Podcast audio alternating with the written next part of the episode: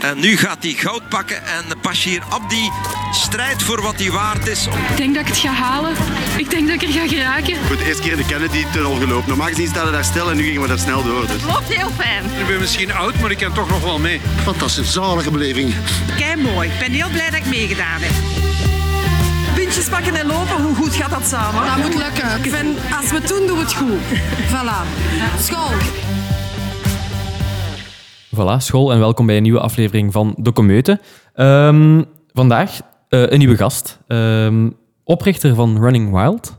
Klopt, eh, denk ik. Eh, Ik blijf dingen zeggen zolang dat jij zegt klopt niet. Hè. Ehm, organisator trailreizen, loper. Dag, ook, eh, hè. voilà, dag Tom Martens. Martens klopt ook. Dat is ook juist. Ja, we moesten online even zoeken, want bijvoorbeeld op de website van Running Wild stond uw naam, staat er niet bij. Dus we waren altijd een beetje onzeker van, is het nu Tom Martens of wie zou het zijn? Dus welkom. Nou staat het er niet bij. Nee, Oh, nee, oké. voilà. Dan, dan moeten we die erbij zetten. Hè. Dat, dat helpt. dat, dat. Ehm, hoe gaat het? Hey, goed, goed. Ik, eh goeiedag. Eh goeie paar maanden eigenlijk. Dus, eh, de winter was wat moeilijk, vaak ziek geweest, maar ik ben terug hersteld en nu de laatste twee, drie maandjes gaat het eigenlijk fantastisch. Ja. Dus, eh, Eh Melly en ik waren naar hier aan het rijden. Ehm, sowieso, we waren wat research aan het doen. En we merkten allebei van, eigenlijk over Tom vind je online niet heel veel. Nee, Klopt dat? nee, ik ben online niet zo actief, toch niet, toch niet onder mijn eigen naam. Ik heb wel mijn, eh, mijn Instagram-pagina voor Running Wild natuurlijk en Mhm.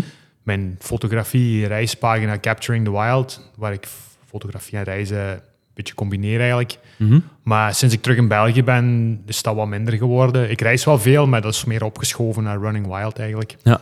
En maar ik, ik heb eigenlijk, ja, recent heb ik mijn Facebook terug moeten activeren om, om bepaalde redenen. Maar ehm, ik gebruikte dat ook niet meer. Dus eh, ik sta zelf niet per se graag in de kijker op internet. Dus Nee. eh, dat hoeft ook niet. Dus, eh, ai. Ik begrijp wat je zegt. Ik heb ooit zelf als student nog ehm, ook mijn Facebook verwijderd. Echt zo online opgezocht hoe dat echt definitief weg was en alles. En dan op den duur moest ik ergens meer voor inschrijven en moest je dat hebben. Dus ja, ik snap wat je bedoelt. Soms, eh, Zit je gejosd dan? je, moet het, je moet mee soms, ja. Alles, alles wordt inderdaad gelinkt tegenwoordig aan sociale Ja. kanalen. Dus, eh, Ja. Maar je kunt daar ook bewust mee omspringen natuurlijk. Dus, Ja. eh, Ja, ja, ja. En dat Ai. doet je blijkbaar. Ja, ik had het nu nodig voor eh, een Facebook-pagina voor Running Wild aan te maken, omdat het makkelijk is voor eh, sponsored ads en reclame te Mhm. maken. En dat is allemaal geïntegreerd met Instagram. Dus. Ja. Ja. En daar heb ik hem maar terug actief gezet. En, eh, maar Ja. je moet daar niet op zetten wat je elke dag eet en waar je gaat Nee, dat Dus, niet. dat is allemaal niet nodig. Dus, Ja, ja, ja. ja. Want we hebben nu net eigenlijk voorgesteld, maar zijn er dingen die u vergeten zijn of zo? Of omdat we zo weinig vonden online, zijn er dingen die, je toch, die er zeker bij gezegd moeten worden als we, als we Tom voorstellen? Ja, Als je mij voorstelt, als, eh, ik ben eigenlijk eh, heel mijn leven, ja, pak de laatste 15, 20 jaar toch bijna altijd op reis geweest. Mhm. Heel vaak weg geweest en ik heb in het buitenland gewoond. En, en eh, ik heb heel veel ervaring opgedaan in het buitenland, van trekking, slopen. Ik heb ook een duikschool gehad. eh, ik heb van alles gedaan. En ehm, ja, dus eh, ik, ik ben veel weg geweest, acht jaar uit België weg geweest een tijdje. Ehm, ik kreeg altijd een belastingbrief met 0 euro op staan. Dus, eh, Interessant. Als een belastingsbrief is en geen bankuitschriften, Voilà. Dus ehm, ja, dus ik heb heel veel gereisd in mijn leven en eh, heel veel geprobeerd. En, Ja. en de- die Capturing the Wild is daar zo'n beetje, en, en, en die Instagram-pagina is daar zo'n beetje een, een beeld van. Dat is vooral van sinds ik terug in België ben. Mhm. En eh, ja, daarvoor, ik heb in Indonesië gewoond, in Australië gewoond. eh, ik heb een beetje overal gezeten eigenlijk. Dus, Ja. eh, Hoe, hoe- zeg maar. Ja, van waar komt dat eigenlijk zo een beetje, die interesse? Dat je ja, eigenlijk hebt besloten om toch de wereld te reizen en niet in België je vast te stellen eigenlijk? Gewoon, blijkbaar zei ik dat al toen ik heel klein was. Dus, eh, Oké. Mijn moeder zei altijd dat ik met de vogels wou gaan praten. Dat, dat dus ik zei dat altijd al. Maar dat, dat wordt dan nooit concreet en zo. En toen, eh, ik weet nog dat ik in de auto zat met een vriend van mij, toen ik tussen de 20 en de 25 was. En die, zei, die was iets ouder. En die zei, ja, ik ga nooit al mijn dromen kunnen waarmaken. En ik heb zoiets gehad van, eh, niet met mij. Dus eh, van mij gaat dat wel gebeuren. En toen heb ik een wereldreis gepland, ben ik zes, zeven maanden weg geweest. En twee jaar terug in België. En, en toen vertrokken zonder idee eigenlijk. En toen ben ik acht jaar weggebleven. Dat was eigenlijk niet de bedoeling. Maar Maar toch dat gebeurt is, eh, dat. voilà. En dan, en dan ja, ik heb zo'n bucketlist. En ik heb zoiets Mm. van, oké, nu gaan we dit doen, nu gaan we dat doen. En, en maar ik, dat, dat klinkt misschien arrogant, maar ik heb altijd gekregen wat ik wou. Mhm. En, en ja, je moet gewoon geduld hebben. Je krijgt, je krijgt de dingen als je ervoor werkt. En eh, Ja. als je blijft eh, je focus houden en, en positief denkt. En, eh, en dan, dan komt het er uiteindelijk van. Wij hebben natuurlijk het geluk dat wij in de westerse wereld geboren zijn in, in België. Dus eh, voor ons is het al iets gemakkelijker om, Ja. om doelen te bereiken. Ik weet niet als je in Ethiopië in de woestijn geboren bent of dat Ja, of je dan dezelfde dingen kunt bereiken. Die hebben andere dromen waarschijnlijk. Dus, Mhm. eh, dus eh, ik, ben, ik prijs me heel gelukkig dat ik het leven heb kunnen hebben dat ik tot nu toe gehad heb. Dus. Ja. Ehm, ja, want je zei, je hebt een bucketlist. Wat, wat stond er zo al op? Ehm, ik, wat stond daarop? Ik wou gaan duiken. Dat stond erop. En ik wou op alle continenten geweest zijn. Ja. Eh, ik wou heel graag orka's eh, zien en ermee zwemmen. Ja, die echte Eh, killer whales, zo die killer zwarte whales, met die... dat, dat, dat is altijd zoiets geweest wat mij geobsedeerd heeft. En, en ja, dat, is- dat is ook uiteindelijk gelukt. Ik heb voor een, een bedrijf gewerkt in Tromsø die dat deed. Ja. Dus dan ging, ik, deed ook Noorderlichttours voor hen. Mhm. En dan, soms konden we dan mee met, naar de orka's gaan kijken. Dus ik heb ze meerdere keren kunnen zien. Dus, Ja. Eh, dus eh, dat is allemaal zo, allemaal zo van die avontuurlijke dingen. Zo. Cultuurgericht was het niet echt. Het was eerder zo natuur en Ja. dieren en, eh, en ehm, vulkanen beklimmen. En, en, en, en in Indonesië ben ik gewoon toevallig blijven plakken. Ja. Dat, dat, is, dat is gewoon, ik kende daar dan weer iemand en zo is dat gerold. En, eh, en uiteindelijk heb ik er acht jaar blijven hangen. Dus eh, dat stond niet op mijn bucketlist in Indonesië. Ja, acht jaar in Indonesië, echt... eh, Ja, eh, vijf jaar eigenlijk echt, echt wel daar gezeten. En, en dan drie jaar zo'n beetje on en off. Zo. Ja. Dan zat ik in Australië en ik heb ook in Zuid-Amerika gezeten in die periode. Dus eh, dat is allemaal zo... Ja. Het was heel fluctuerend. Maar, maar het is wel voor vijf jaar mijn basis geweest. Dus, eh, Oké. En ehm, ja, wat me vooral dan interesseert, en zeker de vraag die ik stel, ik gok dan dat je waarschijnlijk geen, allee, zo denk ik dan, dat je geen vriendin of zo in de periode had toen het allemaal Eh, begon, op je ja, je- 25ste. ja, soms, je weet hoe dat gaat. Hè, dus, eh, maar geen vaste vriendin Ja. in ieder geval. Dus, eh, ja. Want- Dus op die, dat was moeilijk en ik heb dat ook heel lang uitgesteld. Mhm. Want het uh, Sanne, waar ik nu mee samen ben, dat, dat is eigenlijk pas de eerste keer in mijn leven dat ik een, een, langdurige relatie heb. Daarvoor was ik altijd eh, onbetrouwbaar. Ja. Ja. op, op gebied van, eh, hoe noemen ze dat, vluchtgedrag? of Zoiets, Ja, hoe ja, gaan we ja. Dat Ja, ik zo nee, op elk moment kon vertrekken of zo. Dus, want toen ik de tweede keer vertrok, na, voor die acht jaar, toen had ik een, had ik een vriendin, zes maanden vol. En ja, dat heeft maar twee maanden meer geduurd. En, eh, toen, Nou ja. en het was weer gedaan. Dus, Dat is twee maanden als, Toen ik weg als was, relatie zeg maar. Ja, en ja, ja. Dat, dat was ook heel moeilijk, want eh, ik zat dan eh, onder de palmbomen in, in, in Thailand en dan spreekt je met iemand die hier in Maastricht in de regen zit en dan Ja. druk erop en dan weer opnieuw. En dan een tijdje voelt je zo die Dat- ja. Afstand. disconnectie eh, ja. eigenlijk en dan, Ja. dan, dan gaat dat niet meer. Dus, eh. Ja, ja. Maar nu ben ik heel gelukkig samen met iemand en eh, die laat mij ook vrij in, eh, Mhm. in alles wat ik doe. Eh, ik mag zoveel reizen als ik wil. Ja, je weet, een relatie is geven en nemen. Inderdaad. Dus als dat gewoon besproken wordt en eh, je houdt rekening met elkaar, dan is dat allemaal mogelijk natuurlijk. Dus, eh. Dat was eigenlijk mijn volgende vraag, maar het is gewoon dat je die al beantwoord hebt. Hoe je dat Want, afspreekt met een... Ja, want dat ja. is heel belangrijk eh, dat je dat inderdaad moet kunnen afspreken en dat het inderdaad een geven en nemen relatie moet zijn. Of ja, dat het een relatie geven en nemen is. inderdaad. Eh, dus nee, dat is zeker mooi dat je dat toch eh, hebt gevonden nu. Daar was ik naar op zoek en daar heb ik ook op gewacht. Dus. Ja. Ja. Nee, nee, maar dat is ook slim.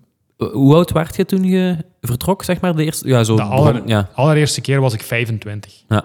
En eh, toen was die zeven maanden.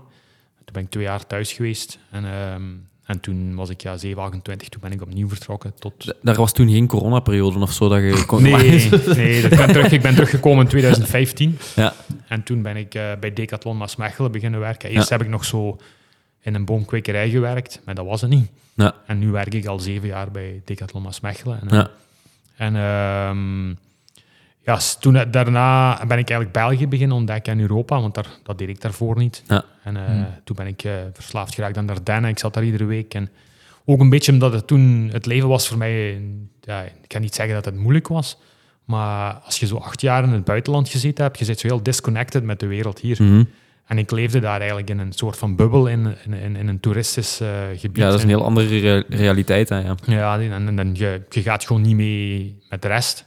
En hier had, was iedereen al, had al gebouwd of hadden kinderen, waren getrouwd. En, en dan kom je hier terecht en zit je zo'n beetje, ja, je loopt zo'n beetje verloren. En toen ben ik heel veel beginnen wandelen in Dardenne. En toen is daar dan een trailloop uit voortgekomen. En dat is zo langzaam gegroeid. Mhm. En eh, het ja, het traillopen heeft toen het eh, wandelen overgenomen. En, eh, en ja, je ziet waar het nu staat. Dus, Ja, ja.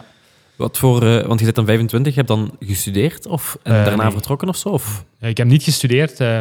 Ik heb geprobeerd, maar ik was gewoon veel te afgeleid. Ja. Eh, het was allemaal... eh, eh, dat zat allemaal al in mij toen ik die leeftijd had. Ik, wou, ik wou gewoon Niet, niet in de stramien Nee, zitten of zo. nee, dat heeft nooit in mij gezeten. En ik heb al geprobeerd om leraar te worden. Leraar, wat was het, informatica en Engels. Mhm. Maar ik, ik voelde dat ik niet zo echt in het systeem paste. En, ik heb altijd zo'n beetje een outsider geweest. En toen ben ik gewoon beginnen werken. Eerst op de bank bij mijn vader. Mhm. Net, net toen het van eh, Belgische frank naar euro ging, toen ben ik daar beginnen werken. En eh, toen heb ik drie, vier jaar in, een- in een eh, data control quality, ja, quality control bedrijf gewerkt. Dat was gewoon, dat was eigenlijk heel saai werk, maar goed, je hebt werk. Ja, en dus ook qua geld. Ja, dat eigenlijk... En toen, ja, toen heb ik daar loopbaanonderwijking aangevraagd voor die Ja. eerste reis. En, eh, en toen ik terug was, hebben ze mij eigenlijk ontslagen, wat fantastisch was. dus, eh, en toen heb ik ander werk gezocht. Ja. En, en- dus je komt tot altijd ergens terecht. Dus, Ja.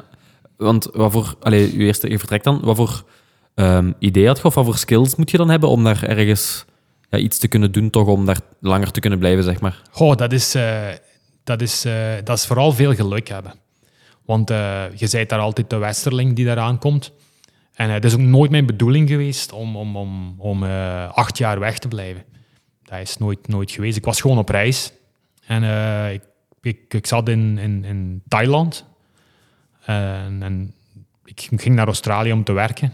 Ik was twee weken in Australië, maar ik was een paar jaar daarvoor er al een heel tijdje gaan werken. En ik kwam daar en ik had er eigenlijk helemaal geen zin in. Ja. Toen ben ik terug naar Thailand gevlogen, terug naar Bangkok. Heb ik daar een, twee, drie weken gezeten en ik had daar nog wat mensen die ik daar kende. En een beetje beginnen zoeken, waar gaan we naartoe? Eh, gekeken waar het geen regenseizoen was. Een beetje rondgekeken, oké, Indonesië dan maar. Hè. Toen ben ik Ja, naar Indonesië vertrokken en ik wist toen dat, totaal niet wat voor een verhaal dat ging worden. En, en ik had het zo... Ik ben zo met zo busjes over heel Java gegaan en een auto stoppen met de ferry. En toen kwam ik in Bali aan en eh, ik ging daar twee, drie dagen blijven. Op papier Ja. ja, zeven jaar later zat ik daar nog steeds. Dus. Ja. En ik kende dan iemand eh, die, die... Ik heb vroeger in een band gespeeld. En we, tra we traden nogal redelijk veel op hier in België. En ik kende dan iemand van een andere band. En die was in Indonesië verzeild geraakt. Ik kende de jongen niet zo goed. Ik kende alleen, dat is, dat is Berger van Dead Before Disco. Dat wist ik dus. En toen heb ik hem een bericht gestuurd. Hij had een duikschool begonnen daar. En eh, hij zei, ik wil mijn duikcursus bij u komen doen. Hm. En zo is daar zo'n beetje een goede band ontstaan. En toen ben ik daar wat blijven plakken. Hij zei, wilt je hier volgend seizoen eh duikgids zijn?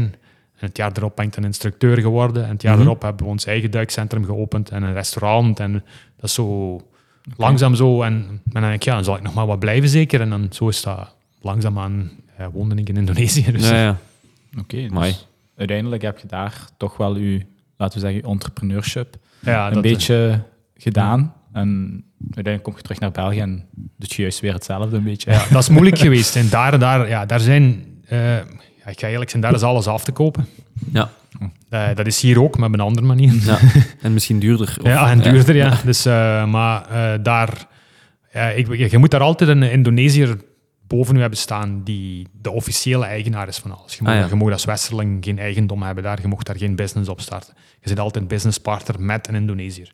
Oké. En daar kun je ook heel verkeerd mee aankomen, want ja, die... die, die eh, Die zijn niet allemaal goed van de die inborst zijn niet zo. allemaal goed van inborst. eh, en, en daar hebben we ook geluk mee gehad. En als we wouden, iets wouden investeren, dan zeiden we, we hebben 30.000 euro nodig. Hij is goed, zei hij, hier is 30.000 euro, zorg maar dat het werkt. En dan, hij vertrouwde ons gewoon en dan werkte dat ook. Dus, eh, Ja. dus, eh, omdat we wel alle twee wel wat skillsets hadden. Ja, je zei het juist, skillsets. Je moet een beetje gewoon durf hebben om, eh, om die stap te zetten. En, en ehm, ja, een beetje met die, goede ideeën komen. Dat, dat lijkt vanzelfsprekend, maar dat is... ehm, ja, dat, dat pizza, we hadden een pizza-restaurant begonnen bijvoorbeeld. Dat was gewoon, er is hier nog geen goede pizza. We moeten Ja. altijd drie uur rijden voor pizza te eten. We gaan het Ja. gewoon zelf doen. Mhm. En dat draaide heel goed. Dus, omdat het daar nog niet echt was.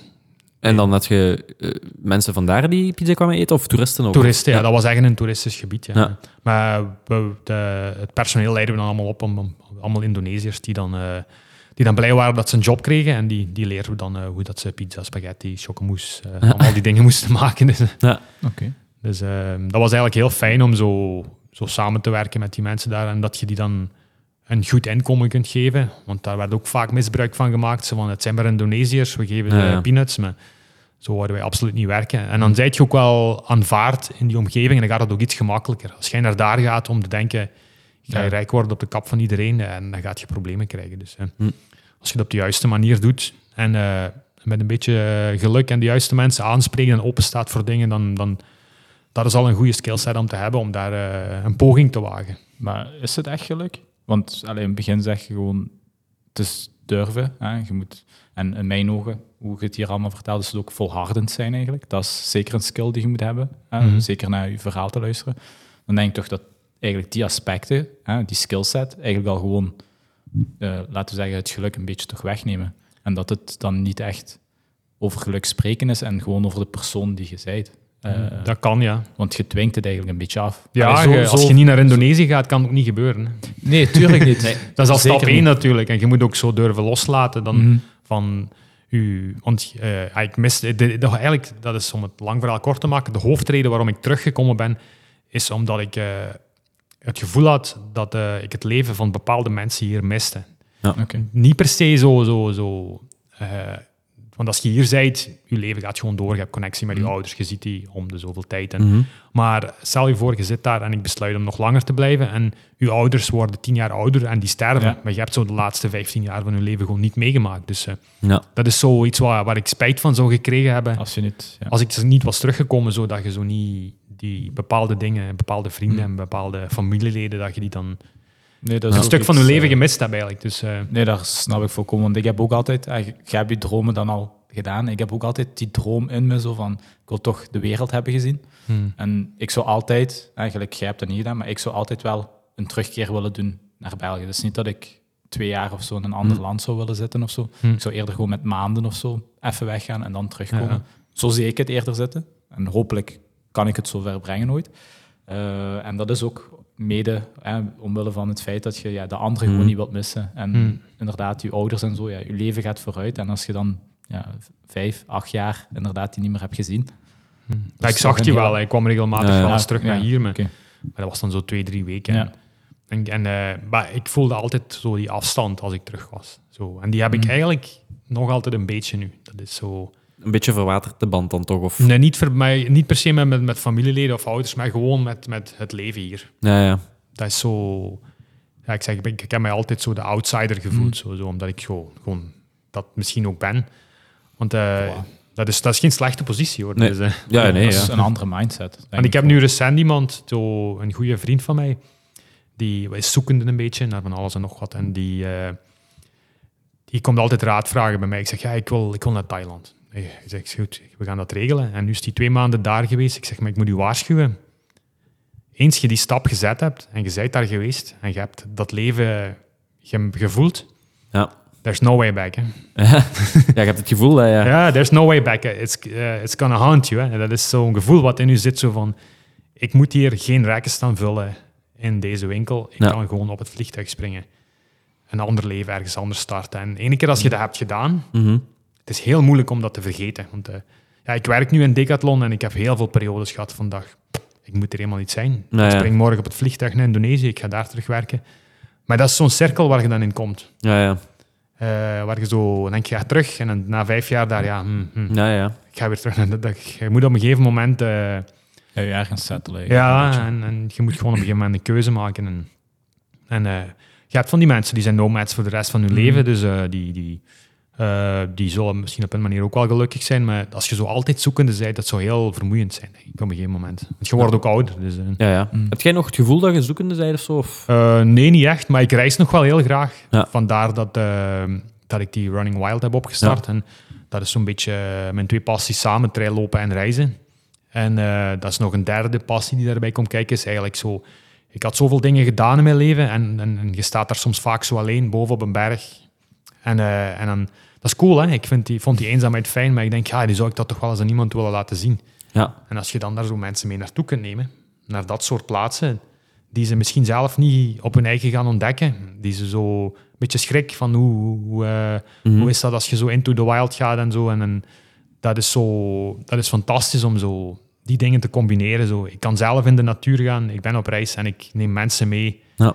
Die, dan, die dat nog nooit gezien of gedaan hebben. En dat is echt, eh, dat is echt fantastisch eigenlijk. Ja, eigenlijk is dat, ik, heb dat, ik ervaar dat zelf ook. Soms kan ik heel mooi ergens op een plek staan, maar ik kan daar niet van genieten, omdat ik het ook veel liever deel met mensen. Hm. Dan pas ervaar ik die, die, diezelfde, datzelfde genot van dat uitzicht of zo, of van de plek waar ik ben. Ik kan dat, als ik alleen ben, Ja.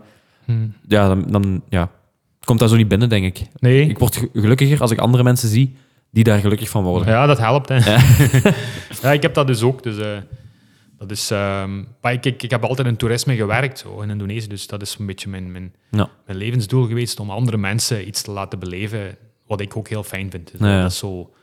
En eh, in, ja, in België was dat moeilijk om dat terug op te starten, omdat ja, hier zijn andere wetten, andere regels, meer geld. Eh, ja, je, je kunt dat niet zomaar doen hier. Als je daar dat restaurant op starten, dat was zonder vragen. Hier heb je verzekeringen. ja, en, dat was, ja, daar was dat zo. Ja, we moesten een, een drank, drank hoe noemt dat zo? Een, een, dat je drank mocht schenken. Ah, een vergunning. eh, ja, drank, voilà, een vergunning. En dat was gewoon. Dan zeiden we tegen onze baas: ja, wat is met de drankvergunning? Ja, ik regel dat wel. En dan een week daarna zit heel het politiekorps en de advocaat bij ons in het restaurant gratis te eten en het is geregeld. Ja, ik snap wel dat dat in België ook nog kan werken, maar het is toch, het is toch iets anders. Eh, Ja, Ja, dat, dat werkte anders. En dan was, kwamen ze na een jaar nog eens terug langs. Ja, hoe zit het met uw vergunning? Ja, ja, ja nou, volgende week willen we wel komen. Is goed, we regelen die vergunning Ja, ja. volgende week wel. Ja, eh, dat, dat missen we soms. hè, Een beetje die... Aan de andere kant is het goed dat er regels zijn. ja, maar, tuurlijk. Ja. Er mag een beetje een balans zijn daarin. Dus, eh, Mhm. Maar heb je nooit het gevoel gehad dat mensen u het- kwalijk hebben genomen of zo, dat je weg? Of? Ehm, niet echt. Eh, mijn moeder misschien een beetje. Mijn vader begreep mij iets meer. Mijn moeder heeft zo altijd zo wel dat, dat onbewust mij proberen terug te halen. ja. Ze deed dat wel niet, maar je merkte dat zo aan. aan is nog niet genoeg geweest? Zo. Ja, niet. Dus ik, ze heeft mij altijd laten doen, daar niet van. Maar toch zo, zo, ja, zo... Ze had misschien liever dat ik gewoon thuis bleef. Dus, maar goed, ja. Ja. Dat is, eh, maar ik denk niet dat echt iemand mij het echt kwalijk genomen heeft. Dus, eh maar eerder dat gevoel, dat is moederliefde waarschijnlijk, dat ze zo, dat ze zo wou dat ik dat, dat ik- Want ja, ik deed daar dingen om te duiken. Ik wou net dertig, zeggen, misschien is het ook gewoon veiliger om, Ja. om thuis hier eh, om zondag taart te gaan eten bij de mama. Inderdaad, ja, dat onder een stoel opgezet Ja. en zo. zo. Ja. Ja. Ehm, Ja, ik, eh, ja, nee, ik wou eh nee, wat ik nog wou vragen eh, is... ehm, ah, want, eh, of het mensen die kwalijk hebben genomen, maar heb je, want je zei daarnet ook, je zit overal de westerling. Zit je op die manier soms in aanraking gekomen met een beetje agressiviteit of zo? Of dat je niet welkom waart of zo ergens als westerling? Of? Ehm, dat heb ik... Dat, is, dat moet ik echt nadenken, want dat zijn zoveel plaatsen waar ik ja. Dat is echt... Ik heb dat nooit echt ergens gevoeld. Nee, niet echt. Nee, nee. Niet dat ik mij voor de geest kan halen. Ja, er gebeuren natuurlijk wel dingen. Ze worden een keer bestolen of zo. Ja, ja, En- ja. Maar eh, nee, nooit echt on, nooit ergens ongewenst. Meestal zeg je... Dat is... ah, dat is... Hoe moet dat zeggen? Je, je wordt vaker heel goed ontvangen in, in Aziatische landen. Daar, daar, daar nodigen ze je uit in een huis. En, eh, Ja. en eh, de hele familie wordt uitgenodigd. En, en, en je kunt overal... Je moet eigenlijk geen zorgen maken waar je gaat slapen. Dat wordt allemaal geregeld. En Ja. dat is allemaal heel simpel daar. En eh, dat, is, dat is hier iets moeilijker. Ik denk niet dat je... Je kunt dat ook hier. Hè, en bij iemand aan de deur aanbellen en vragen... Dat- aanbellen kan altijd, maar... ja. ja, ik heb wel zo een keer in België een tochtje gedaan dat ik zo belde, mag ik mijn tentje in uw tuin opzet? En veel mensen zeggen wel dat dat goed is. Dus, eh, ja, dat is waar. dus eh, Ja. dat, dat gaat hier ook in België. Dus, Ja. Maar daar word je echt zo bijna aanbeden eigenlijk soms. Zo van, ja, dus- westerling? ja, dat is zo, zo van, oh, fantastisch dat je hier bij ons wilt komen eten. En, dan, en eh, direct thee zetten en, eh, Ja. en, en zo. Je, werd, je wordt eigenlijk altijd super ontvangen. Dus, eh, dus zo, Aziatische cultuur is ook zo'n beetje zo groepsgevoel, Ja. samenhangend. eh, samen hun, hun religie of hun geloof. ja, boeddhisme is nu niet echt een geloof, maar om, om daar, om daar dat samen te vieren en te beleven en zo. En, en als, als er in, in het dorp waar ik woonde, in, in, in Bali, een trouwfeest was, ja, daar, daar werd je direct uitgenodigd. En dan kreeg je zo'n zo'n ding op je hoofd. En, eh, Ja. je eigenlijk direct deel van hun eigenlijk. Dus eh, Maar je viel misschien wel wat op. ik viel direct op, ja. Ja. Eh, we moeten niet racistisch gaan doen hier, hè? Nee, nee, nee. Kleurshaming hier.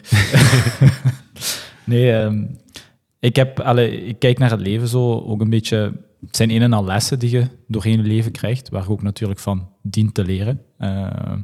En dan denk ik van, je hebt al redelijk wat meegemaakt. Eh, zijn daar toch... Ja, of laten we zeggen, wat zijn de belangrijkste lessen die je hebt geleerd en hebt meegenomen doorheen je leven? Oké, ehm, als ik daar zo naar terugkijk, zo, ik begin eigenlijk nu pas echt te leren uit wat ik allemaal gedaan Mhm. heb. Dat is niet, op het moment zelf eh ziet je dat soms niet. Maar als je terugkijkt zo van Mhm. wat ik heb moeten leren, en, eh, dat is zo...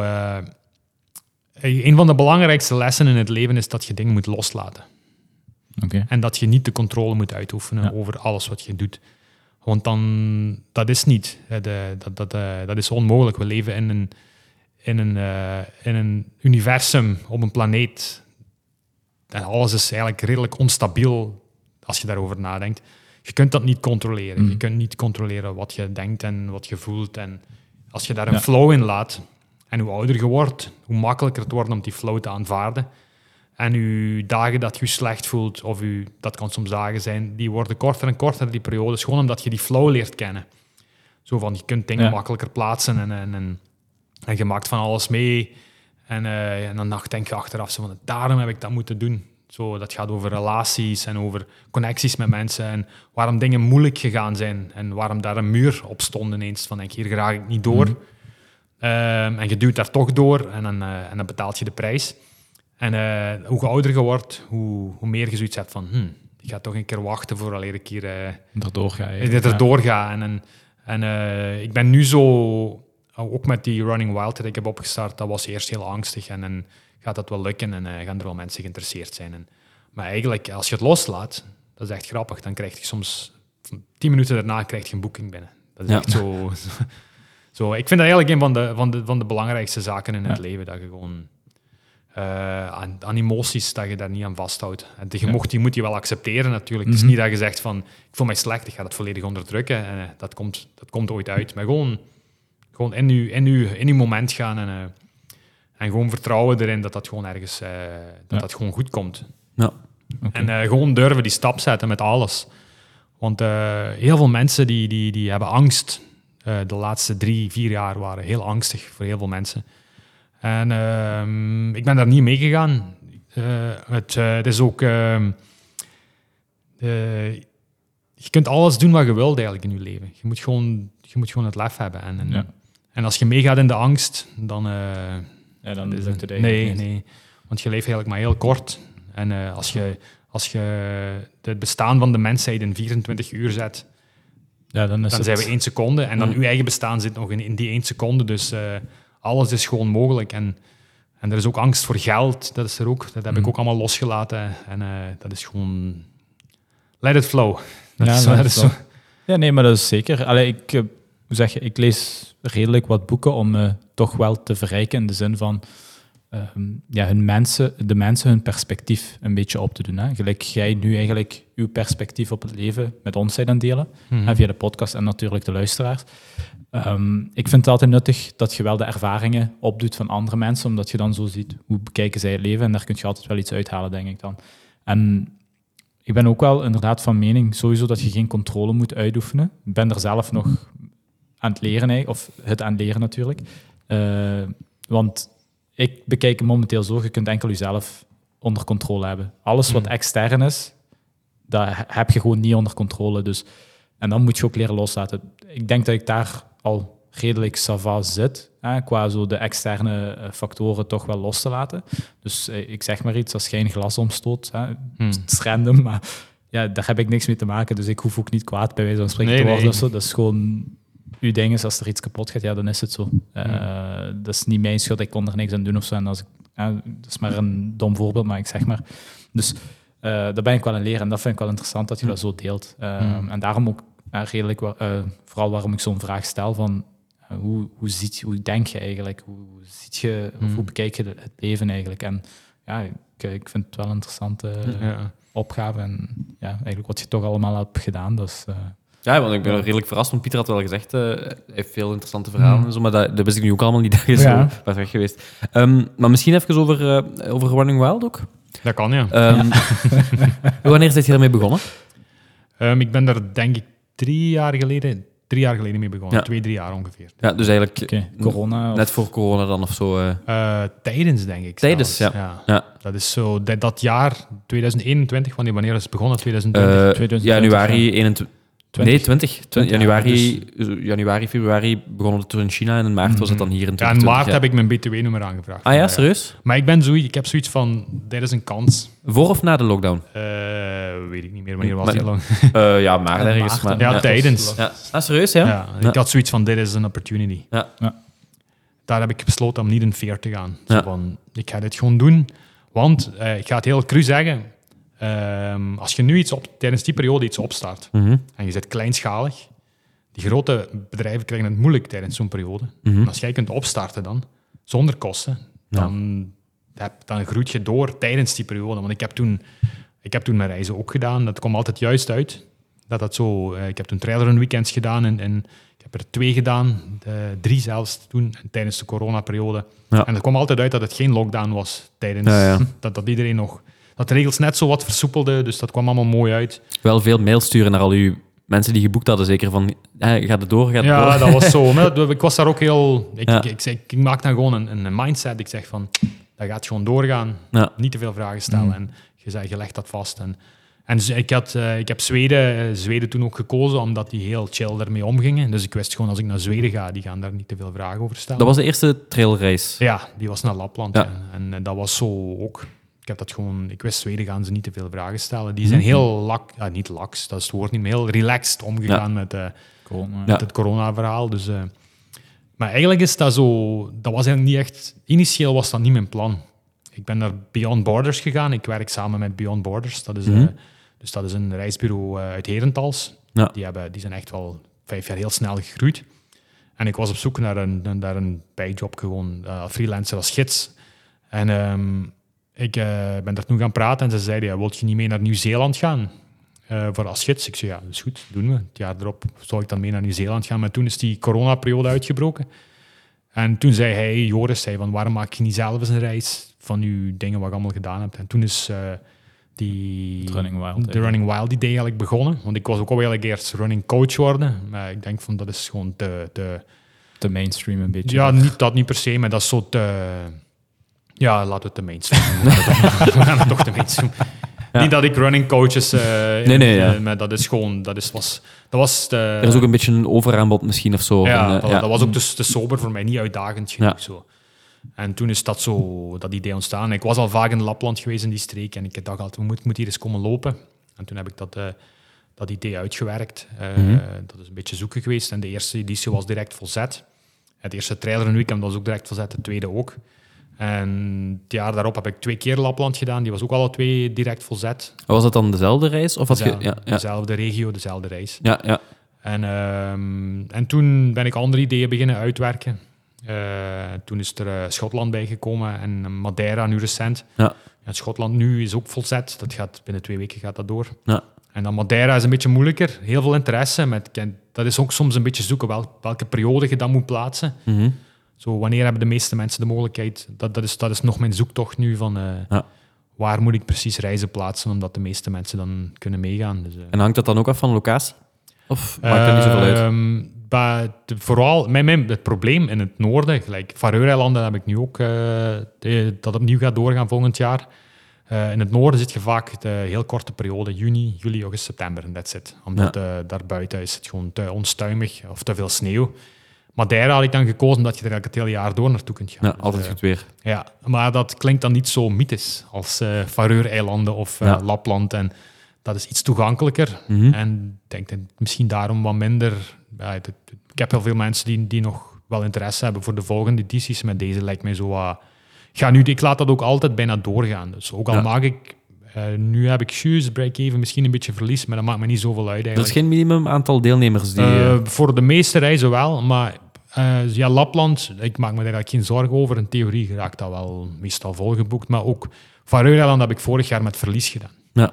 Omdat ik, dat maakt me niet zoveel uit eigenlijk. Ik ga dan op vakantie en dan... ja, nee. Maar, en het is ook het bouwen aan... Voilà, Ja. dus eh, uiteindelijk... Investeren is dat gewoon. Voilà, dat is een investering. Dan leer ik weer wat bij daar. En, en, Ja. en dan eh, nu Madeira gaat break-even zijn. Dat is ook de eerste keer. Dus dat is zo'n beetje, dat is een beetje zoeken. En, en, en eh, uiteindelijk binnen vijf, zes jaar, dan valt het wel allemaal in de plaats. En en een business maakt de eerste vijf jaar meestal niet echt, niet echt veel winst. Nee, Dus klopt. dat is een beetje zoeken. Ja. En ehm, ik eh, ga volgend jaar ook eh, waarschijnlijk drie à vier maanden onbetaald verlof nemen bij, bij Decathlon. Ik moet dat nog regelen. En dan ga ik heel veel reizen achter elkaar zetten. Mhm. Dus twee een week hier en dan ga ik misschien Noorwegen, Ierland, allemaal, allemaal. Ik ben eigenlijk op zoek naar zo die, die, die, die andere plaatsen. Ik, zo niet gelijk Zwitserland, Oostenrijk, Vogezen. Ik vroeg me, ik heb Eh, de vraag op, eh, op het papier staan, waarom, waar, waar zijn Spanje en Duitsland en Frankrijk? eh, ja, dat is zo... Dat, dat, dat is ja, too easy. ja, ja, dat snap ik. De, dat is eh, niet... Dat zal waarschijnlijk ook een beetje plat gelopen door... eh, er zullen heel veel trailrun Hmm. organisaties misschien nog wel zitten of Voilà, zo. Ja. dus, eh, en ehm, ja, La- bijvoorbeeld Lapland, dat is, eh, dan word je met helikopter gedropt in the middle of nowhere. En, en dat is heel onherbergzaam terrein. En, en eh, het risico is ook iets groter. Dus, ik, eh, ja, ik wou vragen, is dat veilig? Dat is veilig, zeker en vast. En eh, ik ben heel, zeker als ik met andere mensen bij mij ben, dan ben ik echt eh, doen- Verantwoordelijk. eh, dus we doen geen extreme bergtoppen, we doen alles eh, rond de vallei. Eh, dus eh, we kunnen, kan wel eens een topje bij zitten, maar dat is allemaal weersgebonden en, en, en Mhm. groepsgebonden. En, maar ik zorg ervoor dat het zo uitdagend is, maar niet richting alpinisme of mountaineering of zo. Want daar heb ik ook de bevoegdheid niet voor om Nee, te doen. Dus, eh, en, en de kennis ook totaal niet. Dus, eh, dus eh, dat is altijd zo. In Lapland is het zo eigenlijk gewoon in een vallei en terug. En dus de enige spelbreker daar kan zijn het weer. Dus daar moet ik dan wel een beetje op inschatten. Mhm. En Schotland is ook rond Rondenberg.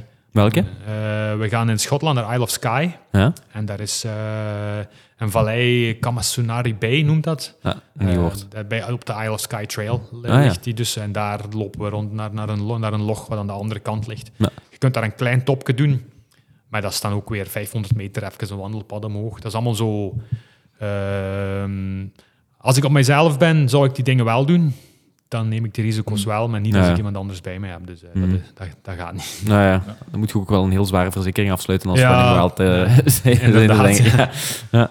Eh, hoe, hoe pak je dat aan, de eerste reis? Hoe stippelt je dat uit? Hoe, want, kent je de streek dan al op voorhand? Of is dat online veel zoeken, mensen contacteren? Lapland, die kende ik. Ik was daar al vijf, zes keer geweest.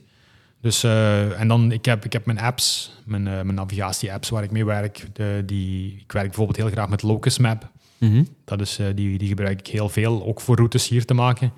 En zo, ik ben eigenlijk dagelijks daarop aan het scrollen eh, naar locaties en eens kijken of daar een padje loopt. En, en ehm, dan, als ik dan zo'n regio gevonden heb, eh, dan, dan begin ik zo routes te zoeken online en dan begin ik dat te vergelijken.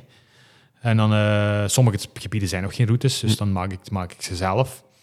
En ehm, ik ben vrij goed in inschatten hoe dat daar ongeveer gaat uitzien als ik een kaart zie. En, en ook, ik ben ook vrij goed in ter plekke mijn plan trekken en eh, een alternatief zoeken. Als, eh, ja, soms bijvoorbeeld gepland iets. Eh, in de Fareur was dat bijvoorbeeld vorig jaar. Eh, ik was het jaar er, nee, een paar jaar ervoor er geweest. En ik had daar gewandeld.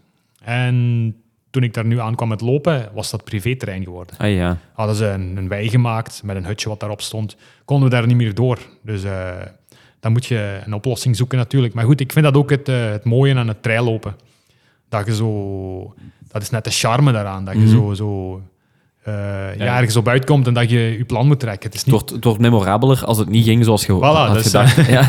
Dat zijn de beste meestal, dat je zo door de struiken moet kruipen ergens Ja. of zo. En dat vind ik net, dat is net het coole en dat, aan, Mhm. dat je niet echt 100% weet waar, waar, waar je aan doet. Maar dat weet je nooit. We hebben het net gehad, controle loslaten. En, Ja.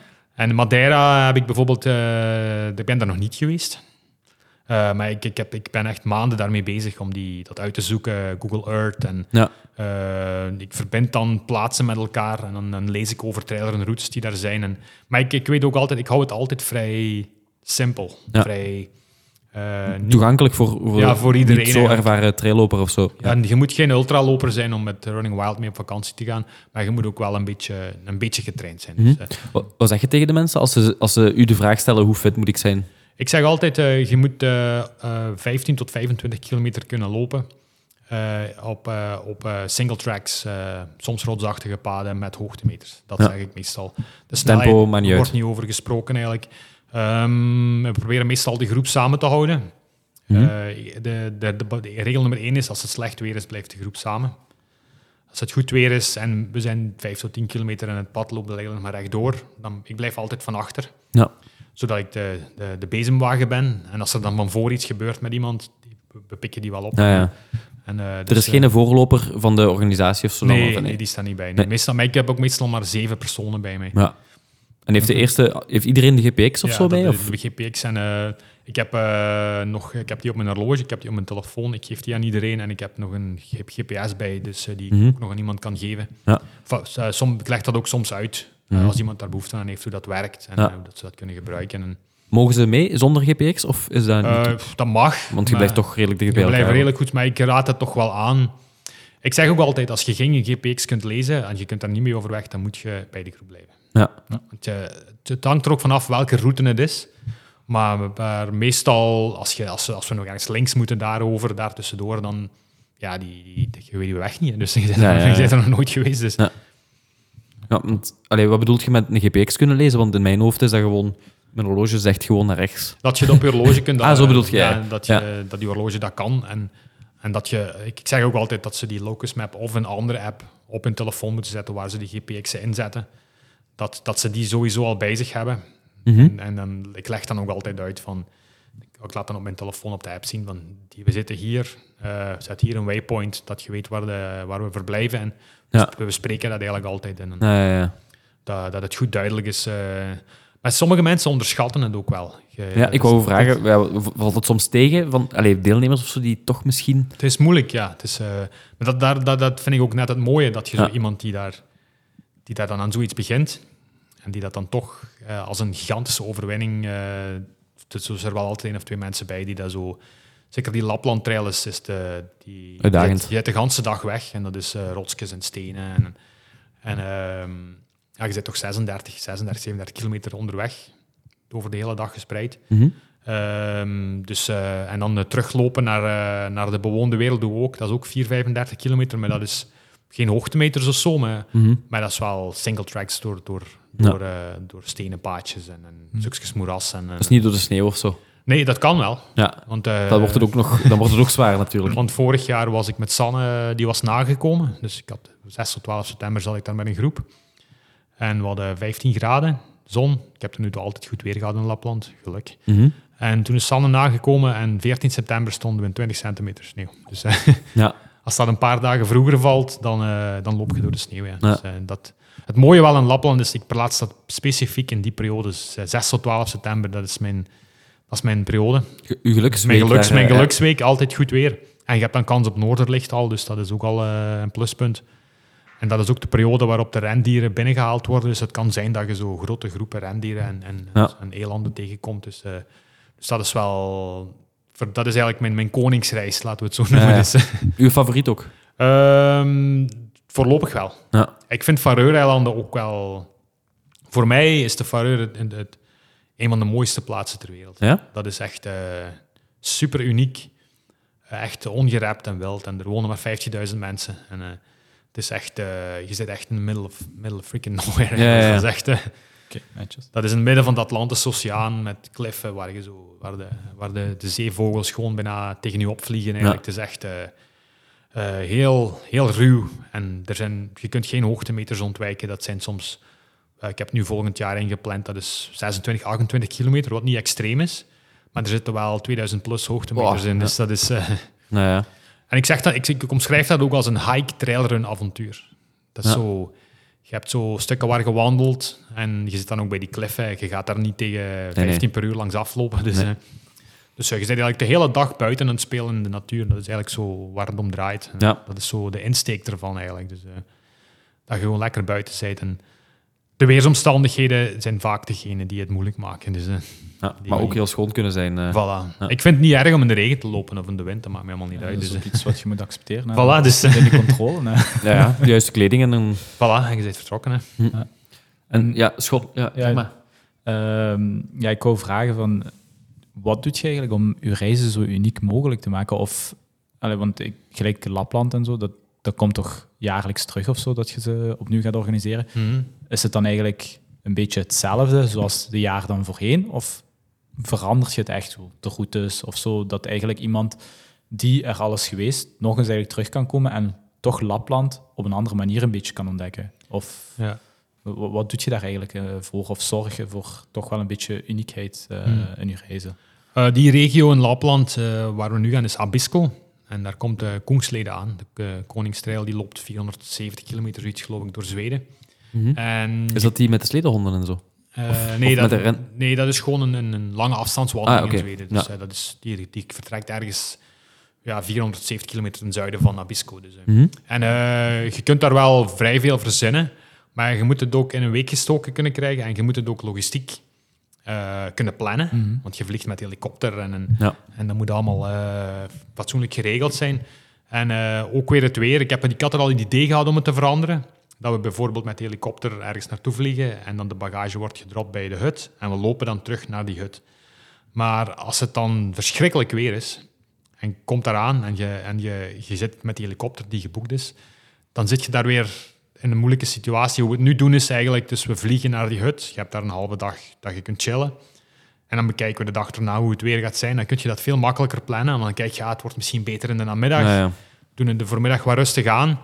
En eh, dus dan, dan, is het makkelijker te plannen. En je, dus je, moet, je zit daar eigenlijk een beetje aan vast bij een groep, hoe dat je, hoe dat je het logistiek allemaal in elkaar moet steken. Dus, dus die in Abisko, het is, is wel al, al veranderd ten opzichte van de eerste keer. Want de eerste keer liepen we niet terug eh, tot naar Abisko en, en nu doen we dat wel. Ja. Dus eh, ik, heb al, ik ben wel constant bezig om... ik ga misschien iets zuidwestelijker nu eens een keer kijken, om daar een keer... dat noemt de Padjalandleden. Die loopt eh, met de grens met Noorwegen. Dus die ben ik nu een beetje aan het bekijken, om het daar... eh, maar er kruipt veel opzoekwerk in. En, en, en eh, de uniekheid gaat vooral zitten in dat ik locaties ga vinden die, waar niemand naartoe gaat om te traillopen. Ja. Dus, dat is zo... Daar gaat het... want ik heb heel veel mensen die terugkomen. Dus nu naar Schotland zijn het er al... drie van de zeven die al ooit mee geweest zijn. En de, nog eentje is een vriend van iemand die al ooit mee geweest is. Ja. En eh, Madeira is iemand die meegeweest is al eh, naar Lapland vorig jaar.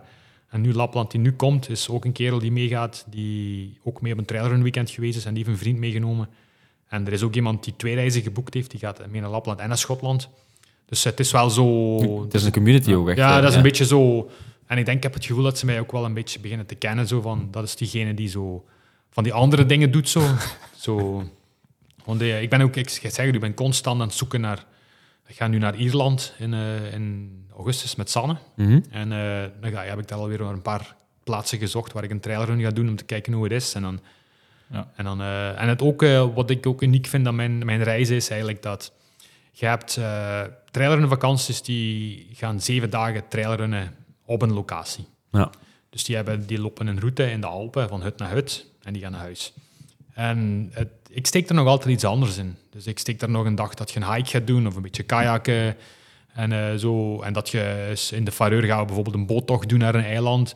Dus dat je ook zo nog eens van, van de Ook loskoppelt van, van het... Ja, Ja. dat je niet zo... Dat je echt op vakantie bent ook even. Ja, voilà. Ja, dus ja. eh, het, is, het, is, het is een trailer, een vakantie eigenlijk. Dus, eh, en het is zo... ik, ik, ik vind ook dat er zo vaak heel erg gejaagd wordt.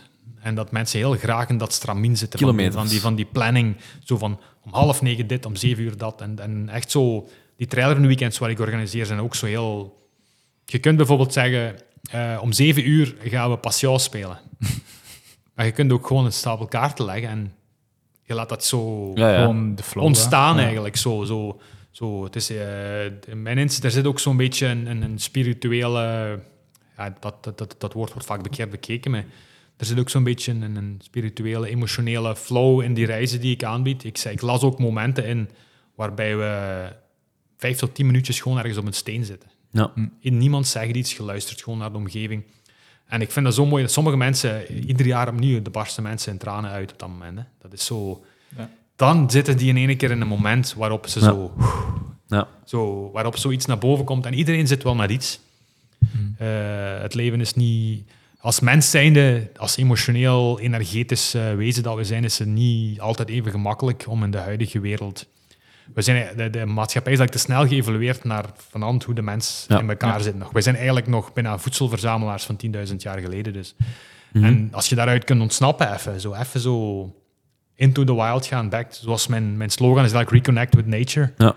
Dat, is zo, dat is zo die insteek daarin, zodat je, dat je zo even loskomt. En, en eh, ik probeer die plaatsen ook te zoeken waar dat kan. Ja. En eh, dat, dat, daar zit de uniekheid eigenlijk van, van Running Wild. Dat het niet zomaar een trailer een reis is eigenlijk. Dus, eh, Wat zeg je, Chris? De comeute. Nee. Ja. Oh, altijd graag. ja, ja, natuurlijk. Dan, dan is dat de Cometa on Road. Ik vraag me- Ik vraag me wel af, want je je zegt voedselverzamelaar, hoe zit het eten? Wie kookt er? Ehm, in, eh, in Lapland is het... eh, wordt, er, wordt, er, nee, wordt, er samen, wordt er samen gekookt. Ja. En één avond eten we gewoon freeze-dried food. Zo Ah ja. eten uit een zakje. Ja. Daar heb je ook heel goede dingen in. En ehm, in, eh, in, in Abisko is het gewoon eten in het restaurant. Ah. En de dan verblijft je in een soort ho- hostel of ja, hotel? dat, dat is STF noemt dat. in, in, in, dat zijn zo de jeugdherbergen, de Ah ja. natuurjeugdherbergen van, eh, en de huttenketens in, eh, in, in Zweden. Ja. Dus die hebben alle hutten, het hele huttennetwerk in Zweden is van hun.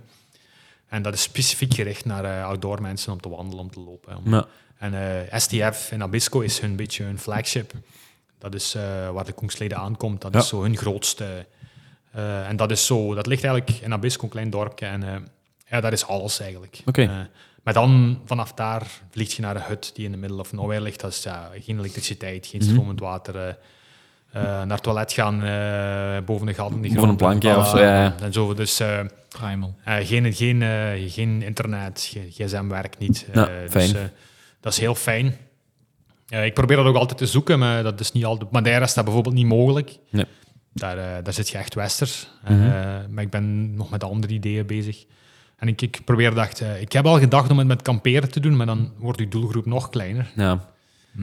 Dus eh, om echt, echt into the wild te gaan. Mhm. Eh, en dan met traillopen. Eh, ik ga nu in juni wel iets uitproberen. Met een maat van mij, die ik trouwens heb leren kennen op een Laplandreis. Dat is ook een hele goede lange afstandsloper eigenlijk. Mhm. Dus met hem gaan we, dus we vliegen vrijdags naar Oslo. En dan rijden we met de auto naar een dorpje in Zweden. Dus morgens de trein naar, terug naar Noorwegen. En dan lopen we door een national park 70 kilometer op twee dagen. Oké. Maar dat is met de tarp, klein zeilke. Ah ja, ja, ja. Dus eh, je hebt eigenlijk alles bij om gewoon into the wild te kamperen. Ja. En je hebt heel basic, dat is echt eh licht slaapzakje, één zakje voor te eten, een paar reepjes en je drinkt water uit de rivier. En, Ja. uit de- en zo zit je eigenlijk twee dagen eigenlijk gewoon ja, zo rond de 70 kilometer onderweg en eh, je slaapt in, in the wild eigenlijk. Ja. En zo, dat is echt zo reconnect with nature. Zo. En je hebt natuurlijk wel je fancy Salomon rugzakje bij je, dus maar het, is niet Ja, ja. gelijk, het is niet gelijk de voedselverzamelaars vroeger Nee, dat nee. je zo je plan moest trekken. Dus we zijn nog altijd wel de westerse dingen, de, de, de, de huidige dingen die erbij zijn. Maar het is toch wel zo'n beetje disconnecten. Ja. En Ja. zo van die dingen ga ik misschien ook proberen. Dat is zo één nacht. Zo een keer eh, Into the Wild, daar hebben mensen misschien wel eens goed zingen om zo dat Ja, eens te ja. proberen. Maar als je dat dan direct een week gaat doen, dan is... eh, Ja, dat ik, is- ik kan dat, maar Dan haken er veel mensen dan af. haken er veel mensen af. Als je, als je elke dag moet douchen in een riviertje, ah, ik vind dat fantastisch, man. Dat is, dat is, eh, zouden meer mensen moeten doen eigenlijk op die manier even Ja. zo uit, uit, de huidige, Mhm. uit de huidige maatschappij stappen. En, dat, Ja. zou, dat zou al heel veel problemen oplossen. Niet misschien, maar wel eh, makkelijker, eh, makkelijker, makkelijker maken eigenlijk. Dus, eh, Ja. maar dat is ook het minimalistisch leven, hè. gelijk Ja, je zelf al doet eigenlijk. Maar dat is ook leren van... Eigenlijk hebben we zoveel dingen niet nodig in het leven. Nee, dit Net. hebben we gisteren gekocht, wat daar buiten staat. Dus dat is voor mij al een hele stap. Ja. Als je, trouwens, als, als je trouwens even wilt wisselen van plaats of zo, dat je je benen nog eens onder, ergens onder wilt steken. Zit goed. dan- Oké. Ja. Nee, dat is eh, toch wat. Hè. En zelfs dat wil ik, eh, of durf ik wel te proberen hoor. Gewoon eh, reconnect with nature, dat ik echt gewoon kampeer in het wild. Hm. Dat, is, dat lijkt me wel plezant. Je hebt een paar keer Into the Wild gezegd. Komt het ook een stukje van die film of was het ervoor al? Heb de film heb je gezien, denk Die ik. heb ik gezien. Ja. dat, het is ook van ervoor al. Ja. Ja. Dus, dat is wel zo, zo... Ik, heb, ik weet nog dat, goed dat ik die gekeken heb, Into the Wild. Dat was in een hostel ergens in, Mhm. in, in, in Borneo was dat. Ja. En eh, daar, daar hebben we die gekeken op, op scherm. Komt dat binnen als je op zo'n plek zit? Want hier, als je dat kijkt in, in je westerse maatschappij, dan denk je, wow, wat, eh, heb je de film gezien? Pff, ik herinner me dat niet meer. De jongen met de, die gaat zwerven en in de bus terechtkomt. Nee. Maar hoe Ah, oud Hoe oud jawel, ik heb weet niet hoe wel oud je bent. Want die sterft uiteindelijk op het einde. Oeh, dat weet ik niet of je dat mocht zeggen. Ik, ga dat, Ik heb niks gezegd. Misschien- die film, dat, is Jawel. toch al, dat is toch al 15 jaar geleden? Ja, Ja, ja, dat is een mensen- heel oude film. Jawel, Ja. jawel. We zijn Nu- rond de nu 30, Dat je me dat ja. even beschrijft, eh Misschien, misschien biep ik de, de afloop zelfs even weg, toch? Ehm, Ik heb te veel gezegd. Top Ja. secret. maar het is ook een boek, hè, dus mensen kunnen het ook al Ja. op voorhand weten. Maar dat boek eigenlijk, dat gaat er bijna niet over. Dat Nee? verhaal. Je moet het eens lezen, dat gaat over bergklimmen. Ah ja. Ja, dat is zo heel... totaal Dat boek. Into the Wild, dat is Ja. hetzelfde verhaal van John, dezelfde... John ja. Krakauer heeft dat Ja. dus eh, dat, dat, dat gaat er eigenlijk niet echt vaag. Ah, oké. Het gaat er wel over, maar het is ook zo... Dus, eh, ja, John Krakauer, dus, eh, ik weet niet of je die kerel kent, dat was ook een fervente klimmer. Die heeft ook hele goede boeken geschreven Hm. over echt zo... ontbering in de natuur eigenlijk, met klimmen en zo. Dus het is een aanrader om die zijn boeken te lezen. Dus. Ja, want zijt jij ook een klimmer? Nee, ik, eh, ik ga soms wat bolderen in Maastricht. Ah, oké. eh, Want ik zag op uw ehm, Instagram, denk ik, zoiets staan. En nog, er stond Running Wild en er stond nog iets. Ehm, Simon Belgium. ja. Ja, dat is omdat ik voor Decathlon werk. Ik zet dat een beetje in de kijker. Dat is het klimmerk van Decathlon, Ah, ja. Simon. Oké, daarmee dat ik dacht, of dat jij misschien ergens eh, Maar Ik heb, dat wel, ik heb wel een alpinismeweek gedaan ooit in, eh, in Chamonix. een cursus of zo. Of, ja, dat je zo de basic alpinisme leert en naar een topje gaat. En Ja. Over gletsjers met touwen en zo. En Ja. dat, is, is wel heel plezant. Simon is trouwens eh, eh, het materiaal waarmee ze de Everest beklommen hebben. De eerste keer. Is dat echt? Ja. Eh, Edmund Hillary heeft met Simon Gear naar de top van de Everest gegaan. En is dat Decathlon? Ja, dat, toen was dat nog niet Decathlon. Oké. eh, Simon is eigenlijk, was vroeger een alleenstaand merk. Maar die hebben heel veel heel moeite gekregen toen Black Diamond en, en, en, en al die grote klimmerken eigenlijk Ja. eh, naar, naar voren gekomen zijn. En toen, Is eh, ook een klimmerk? dat is ook Ja. een klimmerk. En eh, ze konden daar bijna niet meer mee in competitie gaan. Hoe komt zoiets? Ja, het is, ze, ik kan het precieze verhaal niet... Ik zou liegen als ik nu iets zou vertellen. Maar ik, kan, ik kan liegen als je wil. Ik kan, Ja, Nee, we willen alleen maar in Ja, deze dus, eh, podcast. Maar dus eh, ja, en, en toen hebben ze zich... eh, toen hebben, heeft Decathlon hun geabsorbeerd. Ah ja. En, ehm, maar dat is eigenlijk een supermerk voor... eh, voor eh, ah, ik, ik weet niet of we reclame moeten maken hier, maar dat is echt... eh, Ik wou eigenlijk, eh, want daar wou ik wel toe komen, als het, als het kan. ehm ik werk al een hele tijd in Decathlon en ik voel me af, ja, Decathlon materiaal. We hebben al eens gezegd, oh, ik weet niet of we dat al gezegd hebben in de podcast, maar ik zeg dat wel vaak tegen mensen dat heel veel materiaal van Decathlon echt wel heel, heel goed is. Hmm. Ook al is dat ja, niet premium of zo. ehm. ja, vertel daar eens wat over hoe goed. Hoe, ja, je mocht, ja, misschien is dat een te, te directe vraag van. hoe moet je dat zeggen? Nee, maar... Moet, waarom, waarom zou je kiezen voor iets premium en waarom zou je, wanneer zou je moeten kiezen voor premium en wanneer zou je gewoon naar de Decathlon kunnen of moeten gaan? dat heeft vooral te maken met... eh, Ja, want je zegt bijvoorbeeld, ik heb ook een Salomon vest en zo, Ja, maar ja, Decathlon heeft ook trailvesten, dus wanneer, waar, waar maak je dat onderscheid? Wanneer gaat je dat in Decathlon halen en dat toch premium? Eh, ik merk gewoon, ik heb dat allemaal heel veel uitgeprobeerd, wat ze bij Decathlon hebben. Sommige dingen voel ik me heel goed mee. Mhm. Ik heb bijvoorbeeld een regenjas, eh, die kost 120 euro nu, die is, die, is echt fantastisch. Keusjaf? Of Ik- weet dat? Forkla noemt dat merk. Ah ja, juist, ja. Dus ik fiets daarmee naar het werk, ik ga daarmee naar, naar Lapland, Vareur, dat houdt mij droog. Mhm. Je hebt er zo ook van North Face van 400 euro. Maar Is dat nodig? Nee, Nee, dat is ja. niet nodig.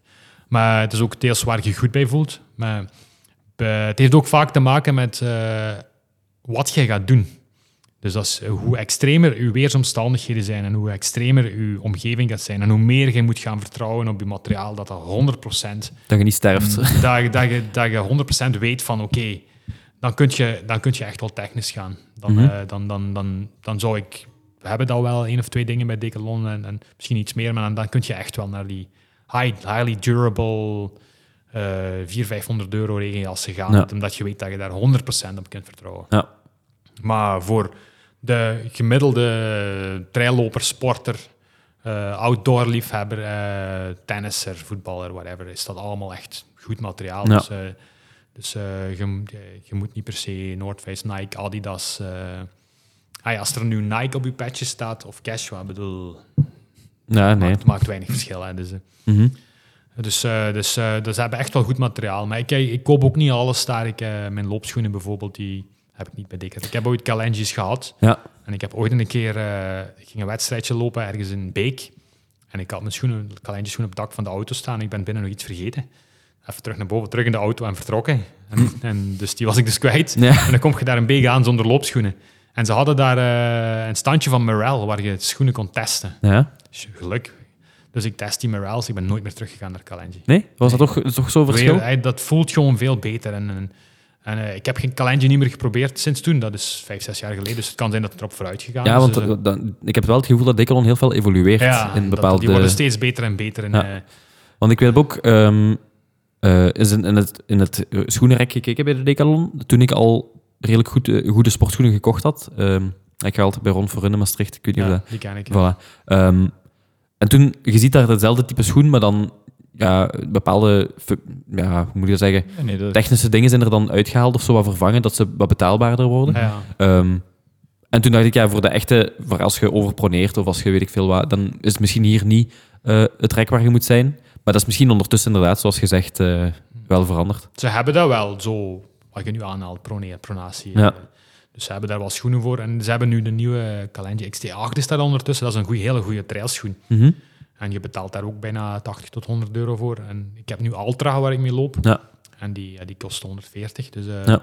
En eh, ehm, dat is gewoon smaak ook soms. eh, als, Mhm. jij naar, als jij een loper bent en je gaat naar de Decathlon, je past daar een paar schoenen van Calenji. Ja. En die zitten goed, je bent vertrokken. Hè? Ik bedoel, Ja, ja. Je, moet, je moet geen Ultras of Ja. ja, on- ons hebben van 170 euro. Dat is allemaal niet nodig. Hè? Nee. Voor de, het is gewoon wat jij ervan verlangt en hoe jij je daarbij voelt. Dus, eh, Ja, dat is, dat is het mooie eraan, dat heel veel mensen die ergens mee willen beginnen, dat die ja, zowel bij de te- terecht kunnen, want het is wat betaalbaarder, maar het is tegelijkertijd ook gewoon nog wel echt heel Ja. goed. En dat, dat heb je niet op andere aspecten soms in winkels van als je voor iets niet premium gaat, dat je toch die kwaliteit hebt. ja. Ehm, en dat vind ik wel heel knap. Ehm, voeding en zo, hoe doe je daarmee? Eh, voeding. Ik heb nu net eh, een splurge gedaan. Ik heb, eh, nu heb ik Me gekocht. Ja, om veganist is... eh, ja. En deze morgen de eerste keer geprobeerd. Dat was echt fantastisch. Ja? Oh, dat is geproefd dat echt dat dat... Maar dat is toch ook wel duur, hè? Ja, ja. ja. Ja, ik Dat weet is- dat. Van die sportrepen, dat is anderhalve euro of zo voor sportrepen, of twee euro Ja. voor een reep, maar je moet er wel een heel deel kopen vaak. Ik merk het zo als ik zo iets pak met te veel suiker.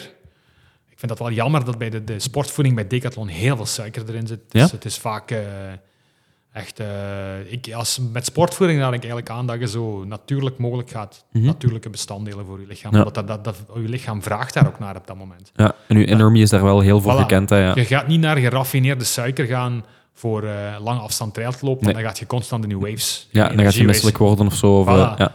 En eh, als je dan toch iets, om het nu we het toch over Decathlon hebben, ze hebben wel energy bars gemaakt van dadels. ja, En dat is natuurlijke suiker. En Ja. slow, dat gaat Ja. niet zo snel als die die heb ik vandaag nog gegeten, denk ik. Dat is die, dat, met dat doorzichtig folieke zo. Ja, hè? voilà. Ja, En. Dus dat is, dat is oké. Ja. Maar er zit nog iets te veel suiker in aan mijn goesting. Dus, eh, voor voeding vind ik echt dat... Ik ben er nu recent, maar is echt aan het uitproberen. En ik gebruik ook Tailwind Nutrition. Ja. Die zakjes, die. De, die gebruik ik ook wel. Dat is nog niet zo gekend, hè, Nee, al ik, tegengekomen? eh, nee, ik ken dat van die repen en zo, daar ken ik niks van. Maar ik, nu springt gewoon een vraag binnen. Even, Zeg hè. maar. Ehm, je zegt die repen van die dadels zijn dan goed, maar wat is eigenlijk het verschil tussen zo'n reep? Allee, ik gok, er zal wel gewoon meer in zitten dan als je gewoon zo dadels mee Geen, pakt. dat is bijna geen verschil. Ah. Je, je, je kunt ook gewoon, eh, wat ik ook een tijdje gedaan heb, je pakt dadels, je pakt pindakaas, je pakt chiazaad, je pakt hennepzaad, je pakt kokosflakes. En je pakt wat nootjes, je maakt er een bolletje van, Ja. een beetje chocoladepoeder erbij, je zet dat in de frigo, je steekt dan een zakje en je gaat lopen. En, Dat zijn Ja. eigenlijk gewoon nu natuurlijk. ja, dat zijn eigenlijk gewoon allemaal natuurlijke producten. Mhm. Je doet daar geen suiker bij of niks. Eh, honing misschien kun je erbij doen als je toch suiker Ja. wilt kiezen of agavesiroop of zoiets. Ja. En eh, je- dat is eigenlijk maar hetzelfde. Zo, Ja, nee, want dat is wat ik me afvraag. Want dat is Ja, je merkt dat wel bij die dadel of eh, amandel. Ik weet niet wat het precies is. Het is dadel en amandel of zoiets. Ja. Hè? Ehm, ik denk dat dat gewoon zo verkocht wordt omdat dat wel compact en klaar is. En dat Mm. mensen dan niet Ja. meer thuis in de keuken moeten duiken. Ja, natuurlijk. dat- dat is het gewoon eigenlijk. Hè? Ja, het zal Ja. inderdaad wel dat zijn, maar... Want het is wel heel natuurlijk, denk ik inderdaad. dat, is, eh. dat zijn een van de betere wat ze daar hebben. Maar ik heb zo, soms loop ik ook met Eat Natural, die van de Albert Heijn. Wat ze Dat daar heb ik nog nooit geprobeerd, dat- Maar nu ik, nu ik zo, nu ik geprobeerd heb, heb ik zoiets van... Ja? Dat, eh, als je daarop kunt overschakelen, dan eh, naar iets wat zo natuurlijk mogelijk is. Mhm. Want ik krijg zo vaak de vraag van mensen in de winkel. Ja. Wat moet ik nemen als ik, eh, als ik ga lopen of als ik de, de Kennedy-mars ga wandelen of zo? ja, die onlangs was, denk ik. Ja, die onlangs was. Ik, ik zeg altijd eh, zo natuurlijk mogelijk voedsel en zo echt mogelijk voedsel. Dus eh, zo kort mogelijk bij. Je kunt zelfs een worstenbroodje meenemen of zo, eh, met een beetje ketchup of zo. zo, een, Ja, zo- zo- misschien niet als je een snelle 10 kilometer Nee, dan niet. Dan zou ik het niet meer. Maar als, jij, als je bijvoorbeeld de Legends Trail kijkt in België, Ja, ja, ja. Die, die lopen 250 kilometer en die eten spaghetti, rijst, noedels, Mhm. soep. eh, onderweg zijn er van die food stations. Ja. En daar draait je lichaam sowieso het beste op. Mhm. Ik ben geen, ben geen dokter of zo, ben geen sportvoedingsdeskundige, maar als je logisch nadenkt, denk ik toch wel dat dat, eh, dat, dat je lichaam vraagt naar zo natuurlijk mogelijk. eh, Mhm. En eh, als je dat kunt bieden, dan, dan, dan gaat je je gewoon beter voelen dus als je loopt. Dus, eh. Ja. Wat pakken de mensen mee als je ermee op vakantie gaat? Ehm, dat varieert ook, shelletjes, reepjes, eh, Ja? peperkoek. Eh, dus eh, ik heb altijd eh, energy bars en, en de meeste mensen hebben meestal wel hetzelfde mee. Mhm. Dus, eh, dus ehm, vorig jaar eh, had Dave, heeft mij toen Tailwind, Tailwind laten ontdekken, dus die had dat dan bij. Ja. Dus eh, ze vragen daar ook wel soms naar wat ze moeten meepakken. Maar meestal heeft iedereen zo wel zijn eigen Ja. ding waar hij zich het beste bij voelt. Dus eh, Mhm. ik breek ook helemaal niet af wat iemand anders eh, wat hij wat die wil gebruiken voor te lopen. Of Nou welk, welk merk die heeft of zo. Dus maakt allemaal niet uit. Dus, eh, dus eh, het leven is een zoektocht voor iedereen, ook op het gebied van, van alles, van sport en voeding. En, en Ja. Je bent nooit op het eindpunt, denk ik. Dus Nee. eh, voor eh, juist te weten wat je moet doen. Dus. Ja, nee, maar die komen ook om de haverklap met een andere studie meestal uit en zo. Ja. van Ja, dat is voilà. beter, dat is. Dus eh, nee, ze sturen eigenlijk iedereen gewoon op een wild pad ja, en, het is zoek ook het vaak maar uit. commerce. Ja, Ja, ja, ja. heel Daarom, vaak. als, je, als je zo natuurlijk mogelijk gaat, Dan zit je wel goed altijd. dan zit je eigenlijk ja. uit, uit, uit... Je kunt dan nog iets kopen. Maar Mhm. vaak wordt... Als ik kijk wat bij ons het beste verkoopt, van reepjes in de winkel, dan is het de grootste troep die je kunt eten. Ja. Ja. Gewoon suiker met witte chocolade en een paar verloren gedroogde rozijntjes erin en zo. Mm. Dus eh dat verkoopt gewoon het beste, omdat dat gewoon goedkoop is en, en massaconsumptie. Ja. Ik snap ook wel dat niet voor Bedoel je iedereen... nu ook die van de Decathlon? Want die hebben ook zo'n witte chocoladereep. Ja, die, die- ja, dat is echt pure suiker. Die Dat heb ik wel vaak bij. Ja, dat is, maar het is eh, nogmaals, eh, niet iedereen die, die kan of wil Innerme betalen. Of Nee, ja, dat is- dus, ja. dat, dat, dat snap ik. Dus dat, dat, dat, dat is niet, niet echt... eh, Ik heb mezelf eh, deze week nog een 6D-pakketje gegund, omdat ik nu die kortingsbon toevallig had van 10 euro. Want anders Mm. durf ik, dan gun, ik me dat zelf. maar ja, soms zo is. Ja, ja. Ehm, en dingen, de Nougat vind ik eigenlijk ook wel lekker van de Decathlon. Ja, die zijn ook wel... Maar die worden wel hard. Ja, Die zijn soms, als je aan het fietsen bent, zeker met koud weer, krijg je die... dat je je tanden kwijt. ja. Eh, bij mij is dat meestal zo, als ik... eh, ik, ik, pak, ik koop van, van alles verschillende dingen, suikerwafels en peperkoek en zo ook. Ik pak eigenlijk zelden twee dezelfde dingen mee. Dus ik heb een hele zak vol zitten met van alles en dan... Mm. Nu is het en nu is het zo'n amandelreep en dan is het die witte chocoladereep en dan is het... Ja, ik, ben al, ik steek altijd van alles binnen. Maar ik merk het ook wel met lange trails inderdaad, dan... eh op den duur, ja, gelletjes en zo ben ik sowieso al spuugzat. Ja, dan word Ja. je snel beu. Hè. Ja. Dan moet je eigenlijk tot het zo ver mogelijk... Ik heb die wel bij, één of twee. Ja. Maar dat is zo ver mogelijk naar het einde. Als, Als je echt, echt moeilijk begint als te je worden. zoiets hebben van... het zijn, het zijn de laatste kilometers, dan... eh, Ja. dan gaat zo'n gelje misschien net die boost geven.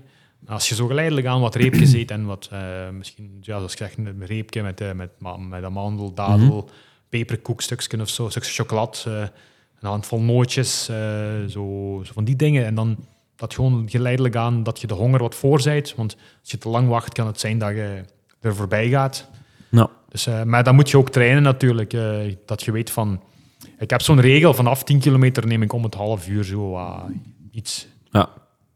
En dan om het half uur eet ik aan drinken ook. En voor de rest water of sportdrank ook?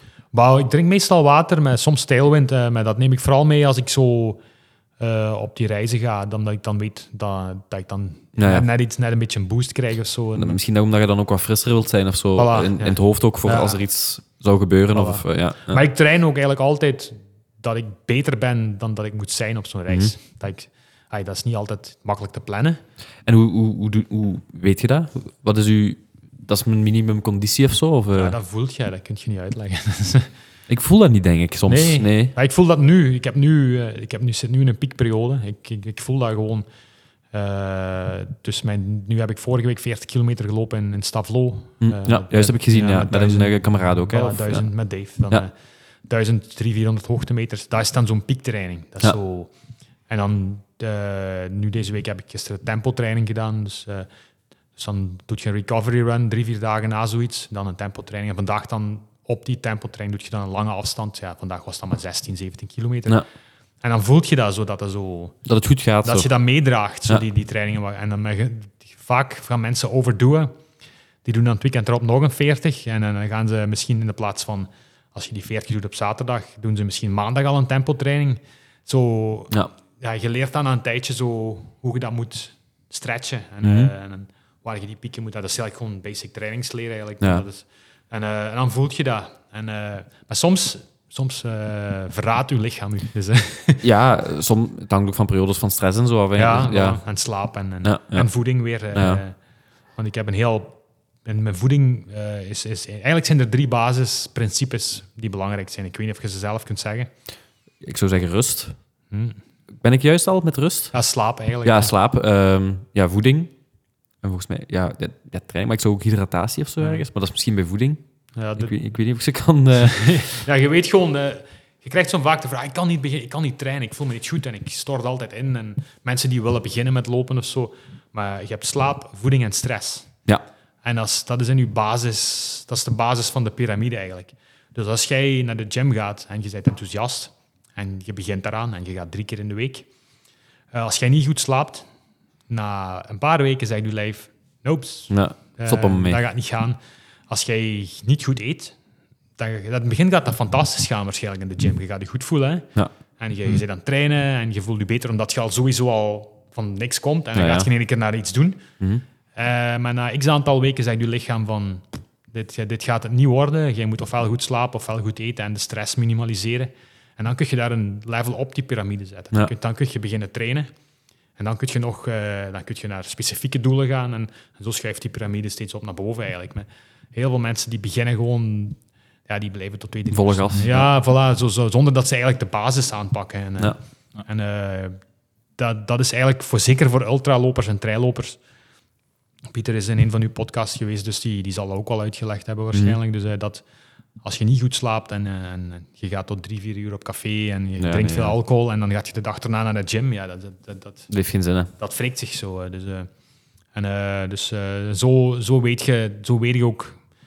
Ik, zal ook geen, ik drink eigenlijk geen alcohol. En, en soms heb ik daar wel eens zin in. Dat kan zijn dat ik één keer op het jaar misschien zo eens besluit, maar dat zal zeker niet op zo'n reis zijn. Omdat ik weet van, ik moet hier alert zijn en fit Ja. zijn. En, en eh, die, dat, die men, dat ik kan zien wat er met de mensen scheelt of, of niet scheelt. Of, en, dus Mhm. dus eh, dat is zo wat... Ja, je voelt aan je lijf. eh, hoe je, wanneer je er klaar voor bent of niet. Dus, eh, Ja. Werk je met een trainer samen of zo? Of doet je het gewoon... Nee, ik, ik, ik heb ook niet echt een trainingsschema. Ik heb de, ik, dat is gewoon puur op gevoel eigenlijk. Ja. Ik, Dus stel nu, eh, je zit een maand stil of, of je hebt een periode van weinig duur. Heb je dat nog soms? Weinig duur lopen? Of, bij- ik heb, zoals ik zei, de hele winter heb ik me niet goed gevoeld. Ja. De- van het ene probleempje naar het andere. En nu ben ik weer terug aan het trainen. En deze maand zit ik ondertussen wel aan 150 kilometer. Ja. nou ja, Dus dat is zo wat, 150 tot 200 is zo wat een, dat is een mooie... dat is een normale, ja. goede trainingsmaand. Dus, ja, ja. En, ehm, en nu, nu bouw ik dat weer op, maar dat is zo... De basisprincipes zijn ook... eh, je- als je aan het, ik, ik heb het gevoel dat als mensen zich aan een schema gaan houden, dat ze soms Moeten. overdue doen. Mhm. dat, want je lichaam zegt wel... eh, er zijn gewoon de basisprincipes. Een lange duurtraining, een snelheidstraining, spelerij, een beetje vaartlek en, Ja. en een recovery training. Dat zijn zo wat de drie dingen die je in een week kunt steken. En dan plant je ze een beetje zo... En de afstanden, ja, die... die ik heb eigenlijk eentje overgeslagen. Ik was van 22 naar 40 gegaan. Eigenlijk zou er nog wat 30 moeten tussen zitten. ja, dat is aangewezen. ja, voilà. Dus, eh, maar dat is goed. eh, die kan me dus, eh, dan, dan kan het zijn dat ik daar de prijs voor betaal, Ja. maar voorlopig betaal ik die nog niet. Dus, Mhm. Maar ik, ik fiets ook naar het werk. Dus dat is twee keer per dag eh 12 kilometer. Dus dat is nog een uur per dag op de fiets. Mhm. En dat, dat, dat, is, dat is eigenlijk nog mijn vierde loop. Dat noem ik mijn vierde loop. Ja, ja.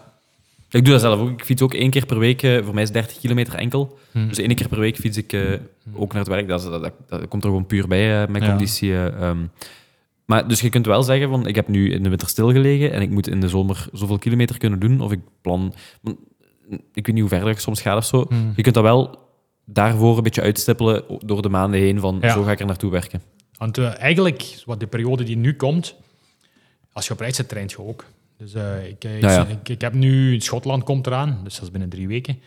En ik heb een piektraining van 40 kilometer gehad met, met redelijk wat hoogtemeters. Mhm. En nu is het gewoon het principe van tapering eigenlijk, dat je zo wat snelheid ertussen gooit en, Ja. en een beetje eh, nog een wat 15 kilometer, 20 hier en Mhm. daar. En dan de week daarvoor loop ik, de, ik ga er waarschijnlijk Genk loopt, de 10 mei Ah, ja. lopen. Dat is echt nog eens zo Gaas. de gas erop. En die week daarna is het niks meer eigenlijk. Ja. En dan zit je in Schotland en dan traint je daar je... je eh, dan traint je sowieso door te Ja. lopen. Mhm. En dan twee weken daarna zit ik in Zweden. Twee weken daarna zit ik in Madeira. En dan, Ja, dan blijf je fit, hè. Waarschijnlijk gaat Chamonix, ik ga misschien naar Chamonix gaan in, in de zomer de eerste week. En dan, en dan is het weer een maand niks. En dan zit ik in Ierland en dan komt Lapland. En dan, Ja. en dan is het, eh, dan is het rust. Daartussenin ook rust. Ik moet eigenlijk niet meer veel trainen dan in die tussenperiodes. Dat is gewoon Beetje ja, lichaam rust geven. En, Ja. eh, en als ik terug ben, eh, de stress beperken. En, Ja. Goed slapen, goed eten. En dan, en, eh, want dat, je, je- je hebt mensen die zo soms te obsess zijn met dat. Je moet Ja. blijven gaan en, en, en Dat is het chronisch eigenlijk. ja, dat is, dan, dan heb ik het gevoel dat, dat het zo moet. En, en, Ik heb soms het gevoel dat ik daar wel zo'n beetje in zit. En dan wou ik vragen, als je zo'n een rustperiode pakt, hoe lang duurt die dan? En wat doet je dan eventueel, eventueel wel nog? Of doet je dan echt even niks? eh, ja, sowieso met de fiets naar het werk is Ja. sowieso wat ik, eh, Nou ja. wat ik sowieso doe. En tijdens rustperiodes, eh, dan kan het zijn dat ik, dat ik misschien eens iets vaker ga boulderen of zo. ja. Dus gewoon eens iets anders. Of een keer zwemmen, of, eh, Ja. dat doe ik ook af en toe zo eens. Eh. en eens een keer een wandeling doen en, en, en, en misschien één keer in de week lopen. En, eh, en dan, dat is meestal maar één of twee weken dat ik, zo, dat ik zoiets doe. Mhm. En eh, dat is gewoon een beetje bezig zijn. En, en je conditie door te fietsen, als je een loper zijt, door vier keer per week met de fiets naar het werk, die blijft wel zo... Ja, ja. Je gaat niet echt in, inboeten dan op dat moment, omdat je nog cardiovasculair bezig bent. Mhm. En, en, en eh, ik heb het gevoel dat het soms gewoon het zou overbelasten als je dan nog een keer daar, dat daarbij doet. Dus, Ja. Eh, Eh, mijn trainer zegt, als ik zo'n belangrijke wedstrijd of doel heb gehad, dan is het altijd ook een week of twee dat er alle dagen just for fun staat. En dan, inderdaad, dan kiest je gewoon zelf Wat je, wat je ja. doet. Of, eh, ja. ja. Binnenkort is het open water zwemmen. Ik weet niet of dat u iets zegt eh, bij ons. eh. Eh, bij Trisport. Ja. ja dat, heb ik zien passeren. ja. Dus, eh, Niks voor u? nee, ja, dat, ik heb triathlon gedaan. Ik heb er Nee, nee, maar zo gewoon open water zwemmen. Ja, dat is wel fijn. Dat is, Ja. dat is reconnect with nature. Ja, ja, Dus, voilà, inderdaad. Ja, ja, ja. Dat, is, eh, dat is zeker leuker dan in het zwembad. Hè. Dus, eh, Ja. maar je gaat, eh, ik, heb, ik heb het zien passeren, maar ik heb niet doorgeklikt, ga eerlijk zijn. Nee, Dus, nee, eh, Omdat ik hoorde dat je af en toe ging zwemmen. Ik denk, ah, dan moet hij misschien open water eh, zwemmen ook wel iets vinden. ja, dat is heel leuk. Hè. Dus, eh, dus, eh, waar gaat je dan zwemmen? In Bastion in Kenroy. Ah, dat ken ik niet. Ja, Kenroy, daar is ergens een plas. En dan eh Oké, zwemmen we daar. Ja. Heel mooi. Eh, 7 mei eh, is, de, is de ja, wedstrijd. dan is. Genk loopt. Dus, Ah ja, juist. Ah, ja, doet je dat dan ook nog wel graag? Want dat, dat, dat is ook een vraag die ik heb opgeschreven. Gewoon straten lopen. eh, ik, vind dat, ik vind dat eigenlijk heel goede training. Ja, dat is waar.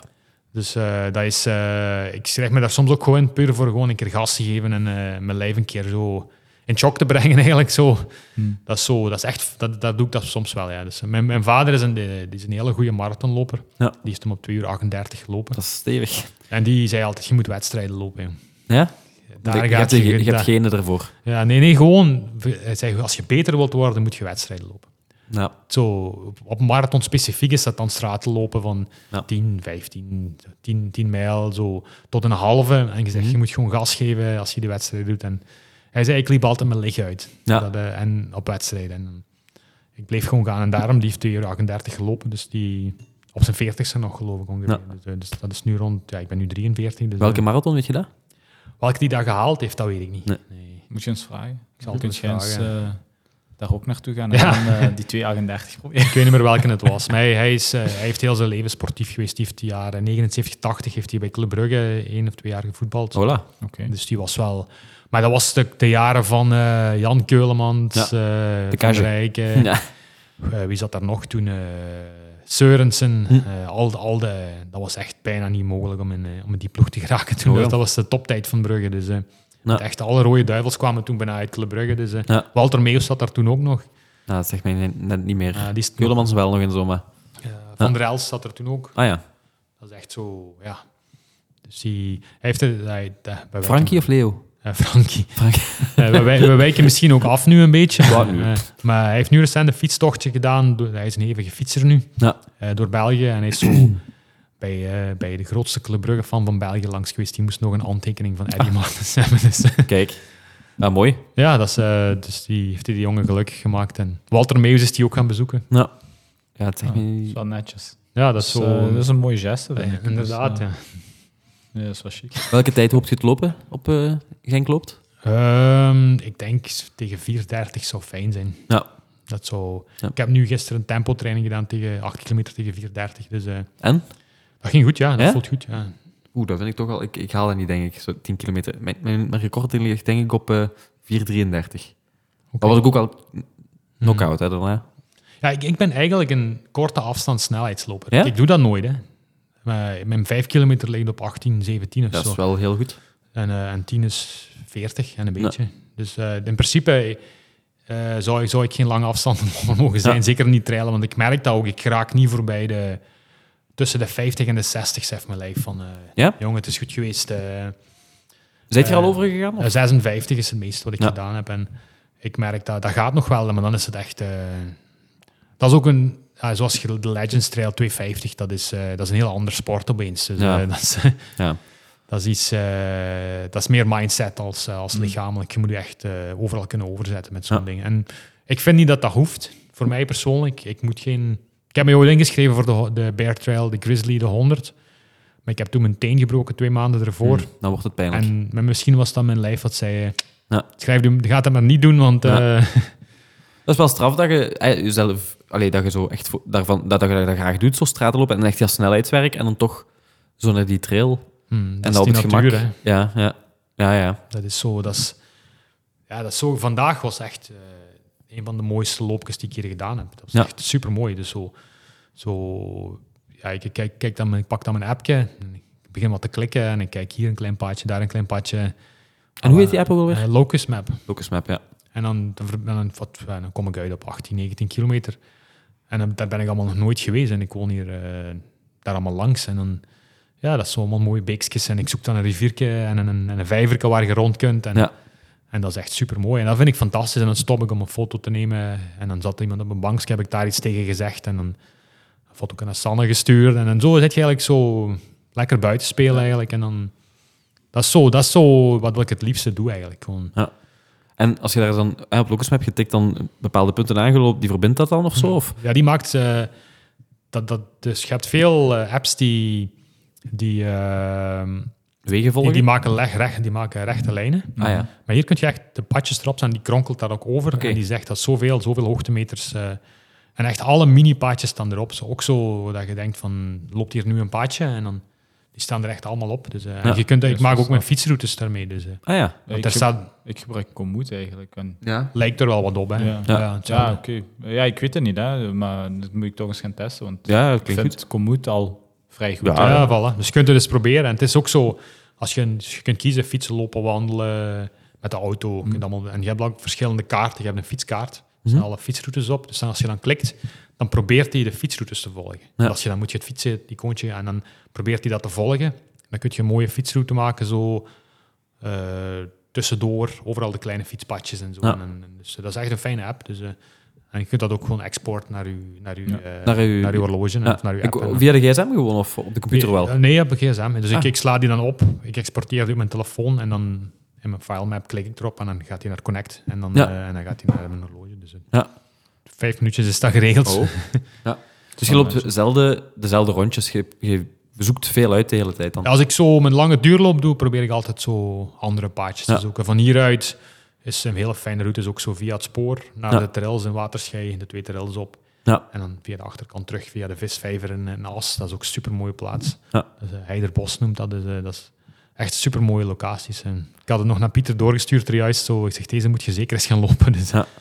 Eh, Strava gebruik je niet, hè? Of? Jawel. Ah, toch? Ja, maar ik ben daar niet echt mee bezig. Dat komt Want ik heb op. gezocht, ik denk niet dat ik je gevonden heb. Ah, dat kan. Ja, ik wist niet onder welke naam of zo. Misschien dat er Capturing the Wild of zo staat. Nee, dat is Tom Martens Ja? gewoon. Maar ik heb geen foto's staan, denk ik. Ah, dan moet ik... Oh, dus op en ik die sta nog op zonderfoto- Riemst, Ah, oké. waar ik vroeger gewoond heb. Dat zou kunnen. Want ja, dat is meestal zoek ik zo routetjes van iemand die in de buurt ook dezelfde wegen of zo. Hmm.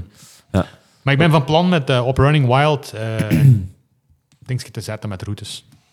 Ja. Die ik heel mooi en de moeite de waard vind om te lopen. Ja, want eh, onlangs deelde Digging Deeper ook eh, uw communityroute. Ja, dat klopt. Klopt. Ja. Ja. in. Ja. Je- hoe kom je daar terecht? Ja, Ik heb vroeger in Riemst gewoond. Ah ja, juist, ja. Ik ging, ik ging dan... eh, daar, dat was mijn, daar is het eigenlijk allemaal begonnen. traillopen. Ik weet nog dat ik de eerste keer terug ging lopen.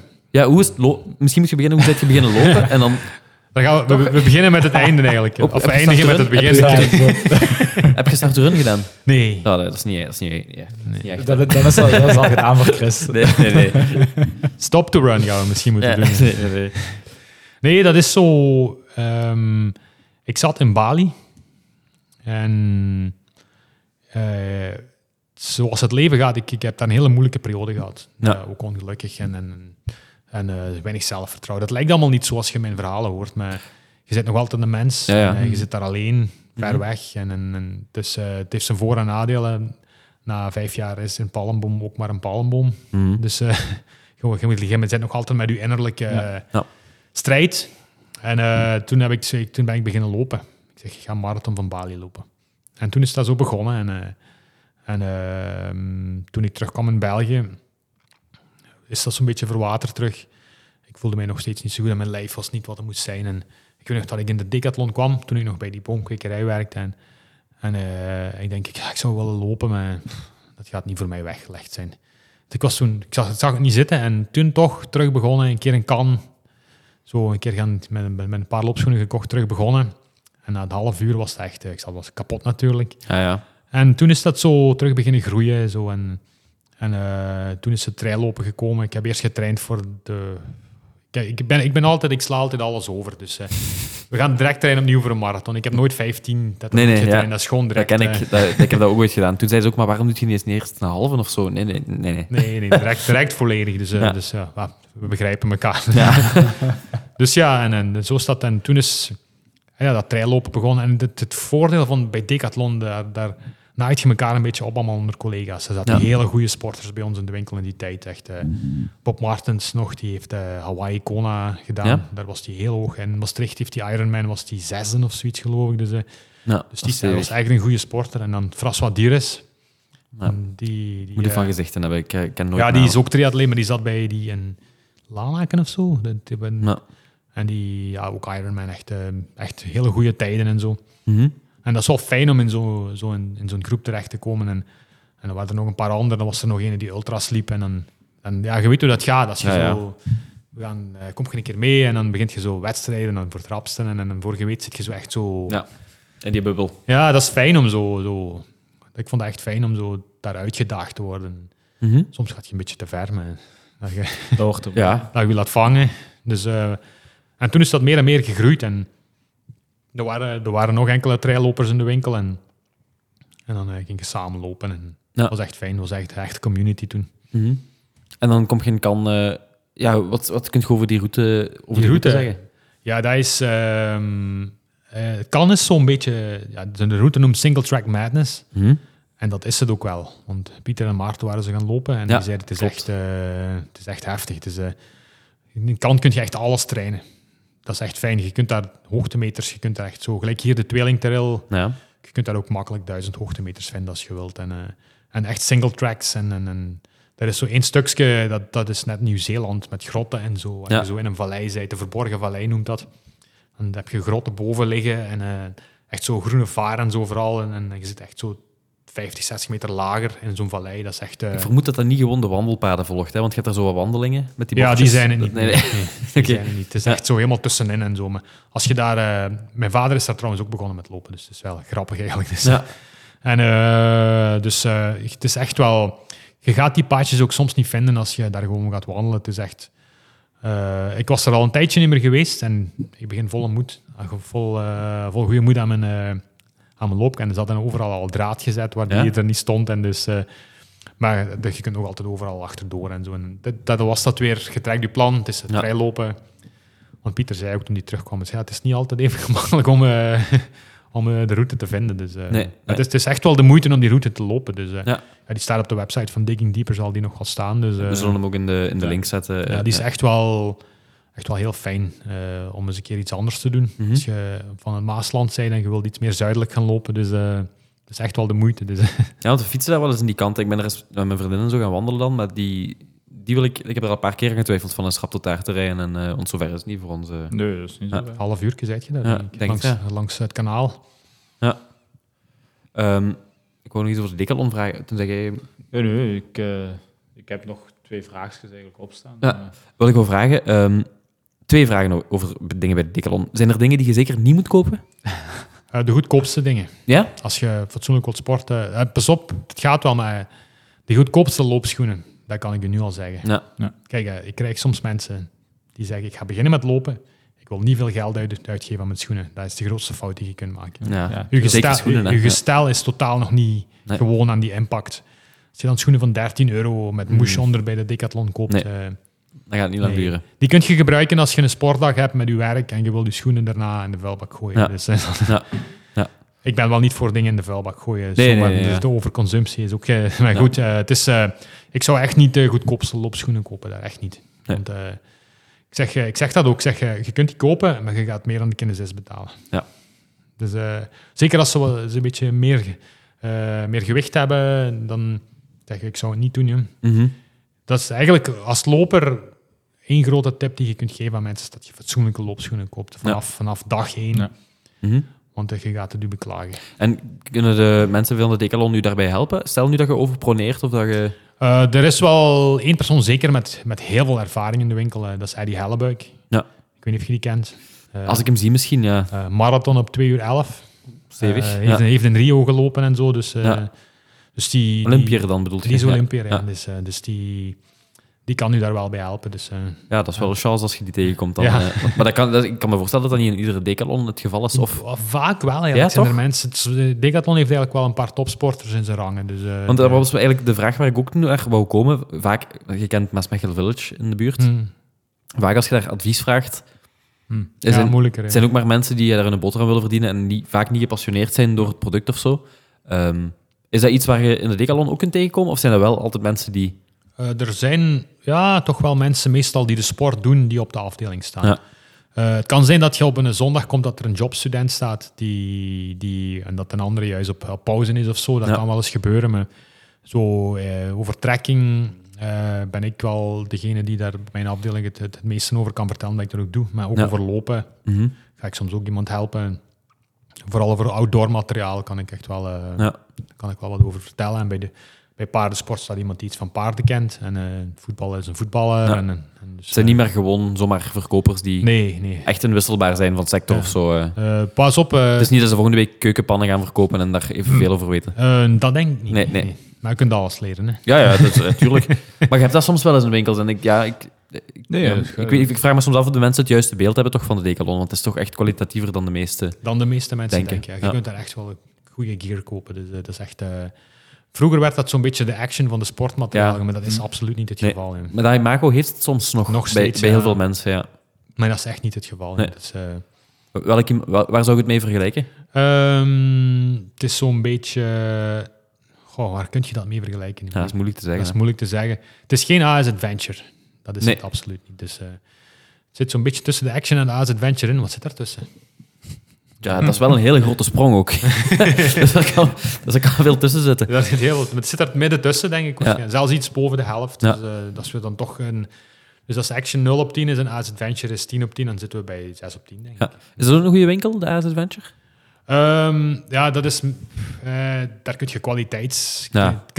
En, en, en... Vaak het probleem in de AS Adventure is, is dat... Dat dat meer eh, AS geworden is dan Adventure tegenwoordig. Ik weet niet waar de AS voor staat, maar, Ja. maar je kunt daar minder en minder... Het is eigenlijk een fashionwinkel aan het worden. Ja, ja, zo. Ja.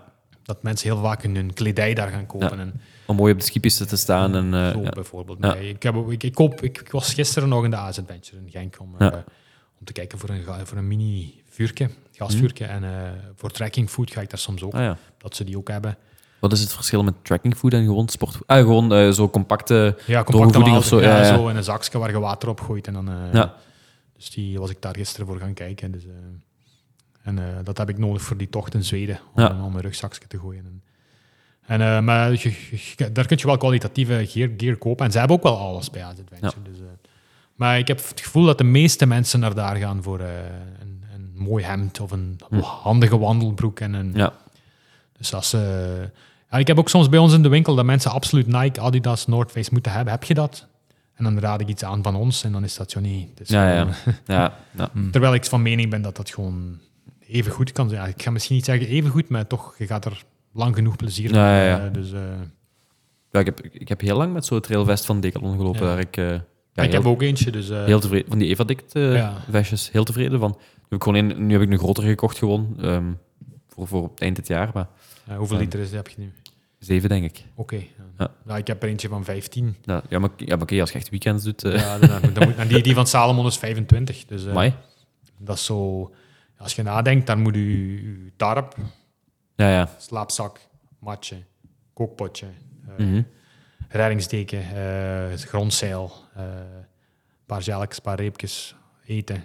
Ja, dat Dat is, is... dat, is, dat, snel, 15 liter gaat dat niet. Hm. Ik werk heel veel met compressiezakken, dus ik compress alles heel veel. Dat maakt het comfortabeler waarschijnlijk ook. hè, Ja. En dan krijg je er ook meer in. Ja. Dus eh, zo'n donsjas en een, en een donsslaapzak kun je echt heel compact maken. Hoeveel Met kilo heb je dan op je rug? Zes, zeven. Ja. Dus eh, dan moet je, moet je ook een beetje gewoon worden daarmee te lopen. Ja. Maar je, je krijgt er sowieso altijd wel een beetje last van. Dus, eh. Ja, ja, ja natuurlijk. eh, want ik, had, ik ben een paar weken geleden voor de eerste keer met twee liter drank gaan lopen in, in die camelback. Hmm. Dat was in het begin natuurlijk. Maar het voordeel daaraan is dat je dat leeg drinkt onderweg. Dus, ja, dus het wordt steeds beter en beter. Ja, Maar dat gaat omgekeerd evenredig met hoe moe je voelt. Na, na- Ja. ja, dat wel. Ja. Dus je gaat dat, op het einde gaat je gewoon moe genoeg zijn om, om dat, dan voelt je dat niet meer dat, dat, die, dat die twee liter Mhm. daaruit is. Dus dat compenseert wel eigenlijk. Ik wou misschien nog vragen, ehm, en dan, ehm, heb jij tips qua gear die ik... eh, want in september zou ik 160 kilometer doen. Mhm. Heb jij tips van dingen die ik moet hebben qua licht, qua stokken, van waar ik voor moet kijken, welke, welke producten goed zijn of zo? Ja, je ziet heel vaak die van Black Diamond. Die, die wandel, die loopstokken, die hebben heel veel mensen hebben die. Ja. Ik had overlaatst Leaky gezien. Ja, die hebben dat ook. Ja. Dus, eh, eh, Decathlon heeft zelf ook zijn eigen, die kosten 100 euro, zijn, geloof ik. Dat zijn ook hun eigen opvouwbare Ja. trailopstokken van, van carbon en van aluminium. Oh, carbon ook, ja. Ja, 80 zijn die van aluminium en 100 zijn die Ja. van, van carbon. Ja. En eh, ik had tien keer nog bij ons in de winkel, die leken heel... Gebruik je dat soms? Ja, nu vorige week zaterdag heb ik ze gebruikt in Staflover, die 40 Ah, ja, ja. Dan wandelstokken, trailstokken zijn echt wel... eh, je bespaart daar veel energie mee. Ja. En eh, wat moet, waar, welke gaat jij lopen? Eh, Great Escape. Oké, ja, dat is in België. Ja, Luxemburg, België. Ja, ja. Maar je kunt, dat hebben ze ook bij Decathlon, zo'n superlicht regen- en windjasje. Ja. Ik, zal hem, ik heb hier een windjasje hangen, ik zal je wel laten zien direct. En ehm, ja, je, je gaat best zo licht mogelijk. Hè. Dus, Ja. en, en, en compressiezakken. Ja. Dat, dat- ik heb er altijd eentje waar ik echt alles in duw. Zodat, eh, je iets meer ruimte hebt. Dat dat niet allemaal zo los zit in je, in je rugzakje. Mhm. En ehm, ja, qua water, ja, gewoon twee flesjes en één extra. Maar ik weet niet hoe de bevoorrading is. Dat Om de 20 kilometer. En dan kun je wel wat bijvullen. Dus twee Ja, flesjes, ja. twee flesjes is genoeg dan. Dus, eh, Ik weet Ja. niet of je een grote drinker bent. Het valt mee, maar ik zou, ik, de bedoeling is dat ik normaal gezien wel ehm, genoeg drink, zeker in het begin. Om, want op den duur gaat je daar, zeg je dat beu. Dus, Ja. Snap je? Ja, op den duur, ja, ik, weet niet, ik, weet, ik weet nog niet hoe ik het ga aanpakken, maar ehm, het is eh, om de 20 kilometer, maar het is ja, 6000 hoogtemeter in totaal. Hm. Ja, ongeveer. Ehm, dus ja, dat gaat langer dan twee uur duren als je eerder aan die bevoorradingen bent. Soms drie, vier uur misschien, ik weet het niet. Ja, Dus dan is het een literke misschien toch wel wat te weinig. ja, anderhalf dan. Ja. Ik, ik steek soms zo'n extra flesje in mijn... Ja. Ik hou niet van die waterzakken. Nee, dat snap ik. Ik hou daar niet van. Ook ik heb- bijvullen is wel een gedoe, denk ik. En ja. ook, ook, die is één keer open gegaan dat, door, Hmm. doordat er te veel in mijn rugzak zat. En, eh, en nu heb ik gewoon twee flesjes van voor. En als ik nog een extra nodig heb, steek ik dat gewoon in mijn, mijn dingen van achter. in mijn tas. En zijn die flesjes van Decathlon? Eh, ja, Ja? Die ik heb die ik van. Ja, dus- Ik gebruik die ook nog altijd, al ja. jaren. Die zijn supergoed. Ja, dat doet zijn werk. Dus Ja, ja, ja. Dat, is, dat is zoiets waar je, zo, waar je geen van Salomon van hoeft te kopen. Dat Nee, is maar allemaal hetzelfde. Dus, Ja, eh, ja, klopt. waarschijnlijk in dezelfde fabriek, gewoon andere naam erop. En, eh, Ja. Klaar. Ehm, Ja. En licht of zo, gebruik je dat soms? eh, ik heb mijn hoofdlamp. Ja. Ik hou nu ook niet van die runlights. Nee, dat ehm, zeker in de bossen. Omdat Ja, je, je- je je moet doet heel draaien, dit. En je, je ziet eigenlijk niet... Ja, Nee, Je kijkt dan ergens naar een pad, maar de, de licht schijnt daar niet naartoe. Nee, dus je moet de koplamp hebben, dus ik inderdaad. heb, ik heb gewoon ook eentje van, van, van de Decathlon. Ja. Hoe lang gaan die mee ongeveer? Eh, je, kunt, eh, je hebt er die je met USB kunt opladen en een battery pack. Ah ja. Dus, eh, die, dus dan heb je een battery pack apart. En dat, die gaat je zeker, hoe gaat hoe lang de Great Escape? 160 kilometer? zes- Dat, 36 uur is het. We vertrekken om Ja. 4 uur s'nachts. dan gaat je eh, daar dus wel mee toekomen. Een korte nacht en dan een hele nacht. Ja, dat gaat wel lukken daarmee. Ja? Ja, dat gaat zeker lukken. Voilà. Dus, eh, dus zeker als je zo, je, kunt, je, hebt zo, je begint met je batterijen Mhm. En dan gaat je al x aantal uren mee kunnen doen. Dan heb je je aparte battery pack bij die je kunt switchen. En Ja. dan, eh, dan heb je nog eens opnieuw eh, een volledige batterij mee. Dus, Ja. En die, dus, die ene battery pack laat je op met eh, USB. Gewoon. Dus, Ja. eh, als je dan nog veel wilt meesleuren, dan kun je je powerbank van achter erin of hier steken. Ja, ja. Dan laat je je battery pack tegelijk op als je loopt. Dus Ja. hangt er vanaf hoeveel je wilt meezeulen. Dat moet allemaal mee natuurlijk. hè. Ja, ja. De powerbanks, hebben ze dat ook bij de Decathlon? Nee, Nee, oké. Nee. Oké, moet nog voor kijken. Maar oké, de one-stop shop was fijn geweest. dat is, eh, dat is extra gewicht. Hè. Daar moet je rekening mee houden. Hè. Dus, Die, die eh, battery, eh, die powerbank. Die powerbank. Ja. Dus op zich is dat niet nodig, denk ik. Hoor, als je Ah, oké, als die allemaal vol zijn. Ja, als die twee vol zijn, het is maar twee keer, twee, twee keer dat je die nodig hebt. Ja, ja, Voor een inderdaad. dag zet je ze niet op. Dus Nee, nee, klopt. Ja, hopelijk niet. nee. Ja, Het moet wel heel het donker vergeet. zijn dan. Ja, Het inderdaad. wordt misschien zwart voor je ogen na een tijdje dat je lamp gaat opzetten. Dat zou kunnen, ja. Dat, dat, dat zou kunnen, ja.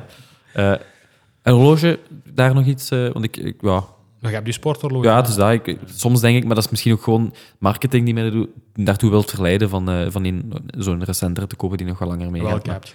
Nu de Forerunner 945. Ja, dat moet daar ook niet lukken. Ja, ja, tu- ja, tuurlijk. Maar ik zal hem wel moeten opladen, denk ik. eh. Onderweg, ja. Ja.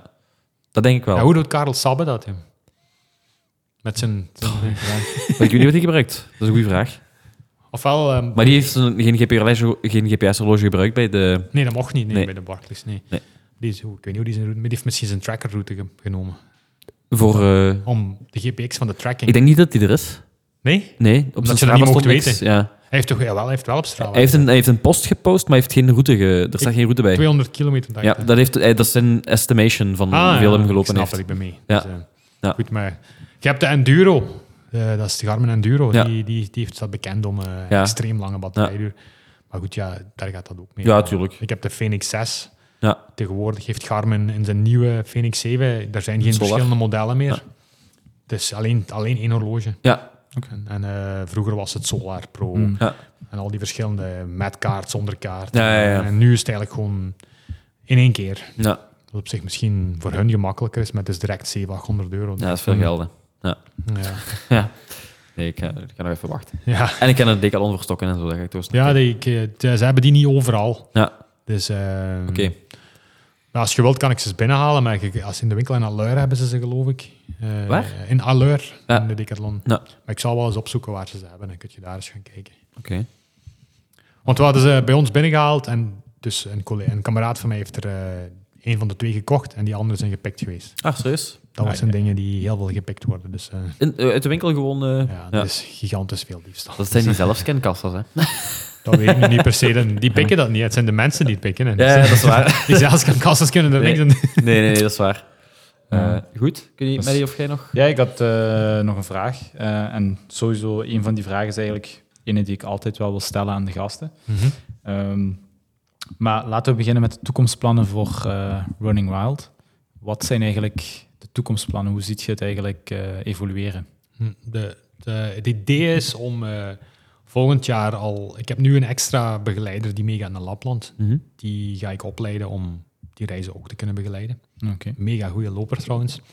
Dus, eh, en dan volgend jaar ga ik misschien proberen nog mensen mee te nemen. Of misschien hem, als dat nu meevalt in, in, in september met hem. Dan, als hij er zin in heeft, dan is het plan is om meer gidsen te zoeken. Zodat ik meer reizen kan maken. Mhm. En dat ik ook niet altijd zelf hoef mee te gaan. Ik ga wel graag mee.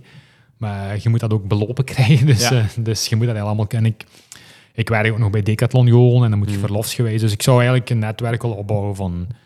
eh, Lopers eigenlijk eigenlijk die, die zin hebben om die reizen, de reizen te begeleiden. En ik denk dat soort reizen, dat vind je eh, vaak wel mensen die enthousiast daarover zijn. Dus, en dan zou ik zou dat willen uitbreiden naar nog meer bestemmingen. Dus ik ben nu, ik zoek constant naar nieuwe bestemmingen. Dus binnen een paar jaar zou dat wel wat groter zijn. Ik ben ook naar eh, buiten Europa aan het kijken, Alaska, Canada, Indonesië, om daar te gaan lopen. Dus dat je er eigenlijk een beetje een, een ja, trailer een vakantie, als we er straks Ja. van zeggen, bezichtigt daar wat en, en dan gaat je tegelijkertijd ook lopen. Mhm.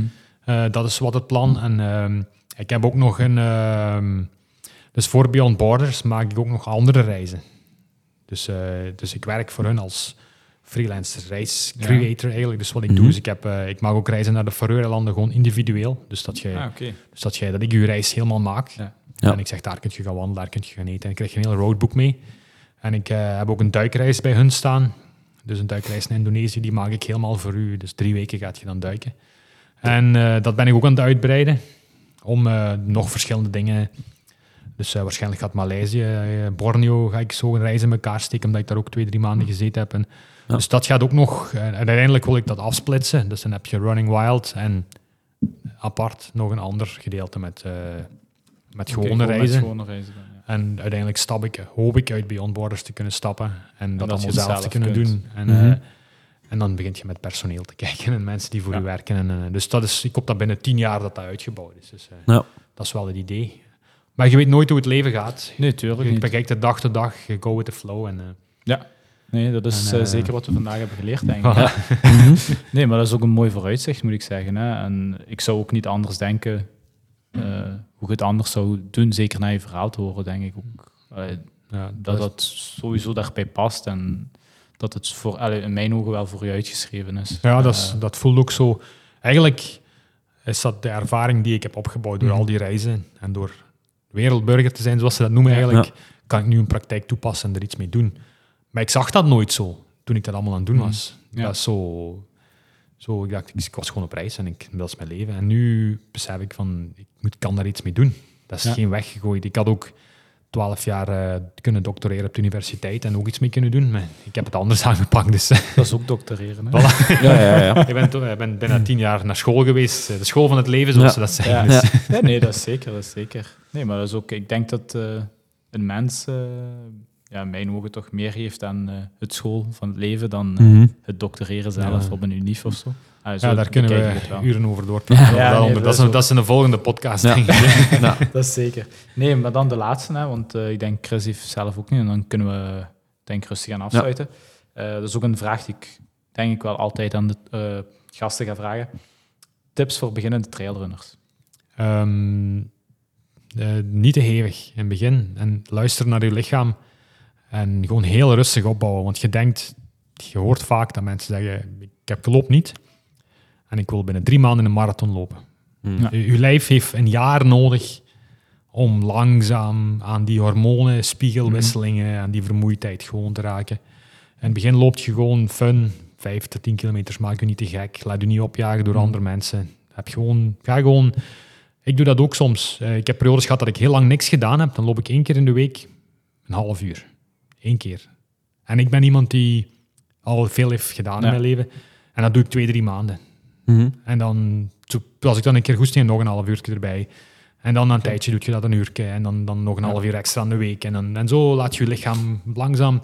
Maar als je direct drie keer in de week met hoogtemeters en een keer een Ardennen, dat gaat niet... Nee. Je moet echt een plan van een jaar maken waarbij je gewoon fun aan het traillopen begint. En eens een keer met iemand meegaat die, die, die misschien zegt van ik kan nu een coole route laten zien. En dan kent je dat gebied ook weer. En dan en gewoon naar andere mensen luisteren. Maar gewoon, eh, je lijf heeft echt tijd nodig om Ja. eender welke sport onder de knie te krijgen. Nee, Want anders gaat je geblesseerd geraken. Ja. Of uitgelust. Of uitgeblust, ja. En zoals ik zei, basis, voeding, slaap, stress. Ja. Eh, zorg dat die op de basis zijn en dan, eh, dan kun je dat stapelje erop zetten. De volgende level Ja. is dan eh, trainen. beginnen trainen en lopen en fun. En dan als dat klaar is, doelen stellen van ik ga een keer naar die wedstrijd toe trainen. Mhm. En dan met het, maar dat is, we spreken dan over een half jaar tot een jaar dat je zo ja. Ja, van zero to wel. hero Ja. gaat eigenlijk, zoiets zoals ze dat zeggen. Dus. Nee, dat is wel Ja. mooi. Dus, En eh, koop goede loopschoenen. Ja. Nee, goed. Dank u. Misschien, Eh, nog, misschien nog eentje. Eh, waar, waar, eh, welke extra trailroute is de mooiste? Eh, ik denk die wat ik dit weekend gelopen heb. Ja? Stoemont? Eh, St- Stavlo. Stavlo, ja. Ja, je vertrekt in Stavlo, 40 kilometer een rondje. Eh, dat is... en ik denk die rond de Hoge Venen, dat die ook wel mooi is in, in Jalais. Ja. Dus daar ben ik ook eens geweest, Ja, denk ik. Solwaster Jalais. Ja. Die is ook Ik denk die 28 kilometer daar eens gedaan heb. Ja. De, langste nog, de langste heb ik nog nooit ergens gedaan, maar... eh, Ja, dat is, je vertrekt bij, bij de stad en de Sau in Solwaster. Dat is super mooi. Heel onbekend. In Jalais bedoelt je, of in- ja. Dat, dat is weer zo'n voorbeeld van... eh, je hebt eh, de hoenje, die kent iedereen. ik niet. De hoenje is zo, wat- die wordt plat gelopen. Dat is gelijk de English Po. Ja, ja, ja. ja. Dus de, de, de, de, dat riviertje daar... eh, ja. De, English po, de hoenje is de English Po van de Hoge Venen. Iedereen kent dat, iedereen gaat naar daar. Maar drie kilometer verder ligt de stad en de Sau. Onbekend, mooie watervalkjes, mooie riviertjes. Echt heel rustig, komt daar niemand tegen. En je kunt vandaar naar Barak Michel lopen, helemaal boven. Ja. Is het, ligt dat op die extra trailroute? Of? ja, dat, is- dat is Ah. extra trail, komt daar voorbij. Oké, ja. Ja, ja. Bij de English Po heb je bijvoorbeeld, eh, iedereen zit dan met duizenden bij de English Po. Drie kilometer verder ligt de Shefna. Mhm. Identiek, er zit niemand. Allee. Dus, eh, dus, eh, die, dus die extra trail van, eh van, van Slova Jalais en, en die van Stavlo, die zou ik zeker eens checken. Dus, En heb je het altijd over de langste nu? Of over de... eh, die, ik weet niet wat ze, hoeveel ze zijn. In, eh, in, eigenlijk ga eerlijk zijn, de eerste, de, nu is de eerste extra trail die ik ooit gelopen heb. Ah ja, ik zie die bordjes wel altijd staan. Ah ja. Maar eh, Ja. de, nu, Dave zei me dan, eh, hij, is aan het trainen voor eh, GTLC. Eh, Wel, eh, Grand Tour de Lac et Château. Hm? Dat is ook 160 kilometer. En zei, Zwitserland of zo? nee, hier in België. Ah, oké. Amai. En die loopt ook een gedeelte op de extra trail van, van Stavlo. Dus, eh, dus die, daarom wou hij daar eens eh, een, een route gaan lopen. Het is echt wel, het is echt wel de moeite. ja, ook fijn dat die zo dichtbij liggen. Hè, die, eh, Ja, het zijn niet te vers. Je moet niet naar Luxemburg. Dus, ja, eh, nee, voilà. ja, Stavlo is een uurtje, denk ik. Ja, het zal zoiets zijn. ja. van hier. Dus, Oké, Ja. merci voor de tip. Bedankt dat we mochten langskomen. ja. Eh, ik weet niet of je zelf nog iets kwijt wilt. Eh, nee, nee maar ik vind het fantastisch dat ik dit heb mogen doen. Dat ik eh, mijn, mijn verhaal heb mogen doen. Het is eh 5% van wat er allemaal te vertellen valt. Ja, dat, dat gevoel heb ik ook wel, dat we er nog niet zijn. Ja. Eh, Dus eh, en, ik vind het fijn dat Running Wild eens in de kijker gezet kan worden. En, pa- de mensen mogen mij altijd Ja. een keer een berichtje sturen of de hoe, website. mogen, hoe kunnen ze u bereiken? Via runningwild.be, daar staat een WhatsApp Mhm. En als iemand een goesting heeft om samen een route te lopen, dat mag ook altijd. Dus eh, Ja, ik sta er altijd voor open. Je mocht mij altijd een berichtje sturen. Dus, oké. Fijn. dat is goed. Moeten we, heb je iemand die graag zelf eens zou aan het woord horen, die we, waar we naartoe moeten of zo? Ehm, eens kijken, hè. wie zou nog iets kunnen vertellen? Ik ga je dat achteraf sturen, ik moet daarover nadenken. Ja, oké. Ik kan dat niet direct beantwoorden. Oké. Goed. En als mensen verder nog vragen of zo hebben, eh, vragen die u moeten stellen aan Tom, dan eh, laat het zeker na. We zullen een, een postje online zetten bij eh, Spotify. Daar, staan, daar kun je onderaan vragen Ja. eh, vinden en dus ook stellen aan ons. En dan sturen we dat door naar Tom. Voor de mensen die nog vragen zouden hebben. Oké, merci Tom. Eh, bedankt om te luisteren iedereen. En eh, tot de volgende. Tot de volgende. Dankjewel. En nu gaat hij goud pakken en Bashir Abdi strijdt voor wat hij waard is. Ik denk dat ik het ga halen. Ik denk dat ik er ga geraken. Goed, de eerste keer in de Kennedy-tunnel gelopen. Normaal gezien staan we daar stil en nu gingen we daar snel door. Dus. Loopt heel fijn. Ik ben misschien oud, maar ik kan toch nog wel mee. Fantastisch, zalige beleving. Kei mooi. Ik ben heel blij dat ik meegedaan heb. Pakken en lopen, hoe goed gaat dat samen? Dat moet lukken. Ik vind, als we het doen, doen we het goed. Voilà. School.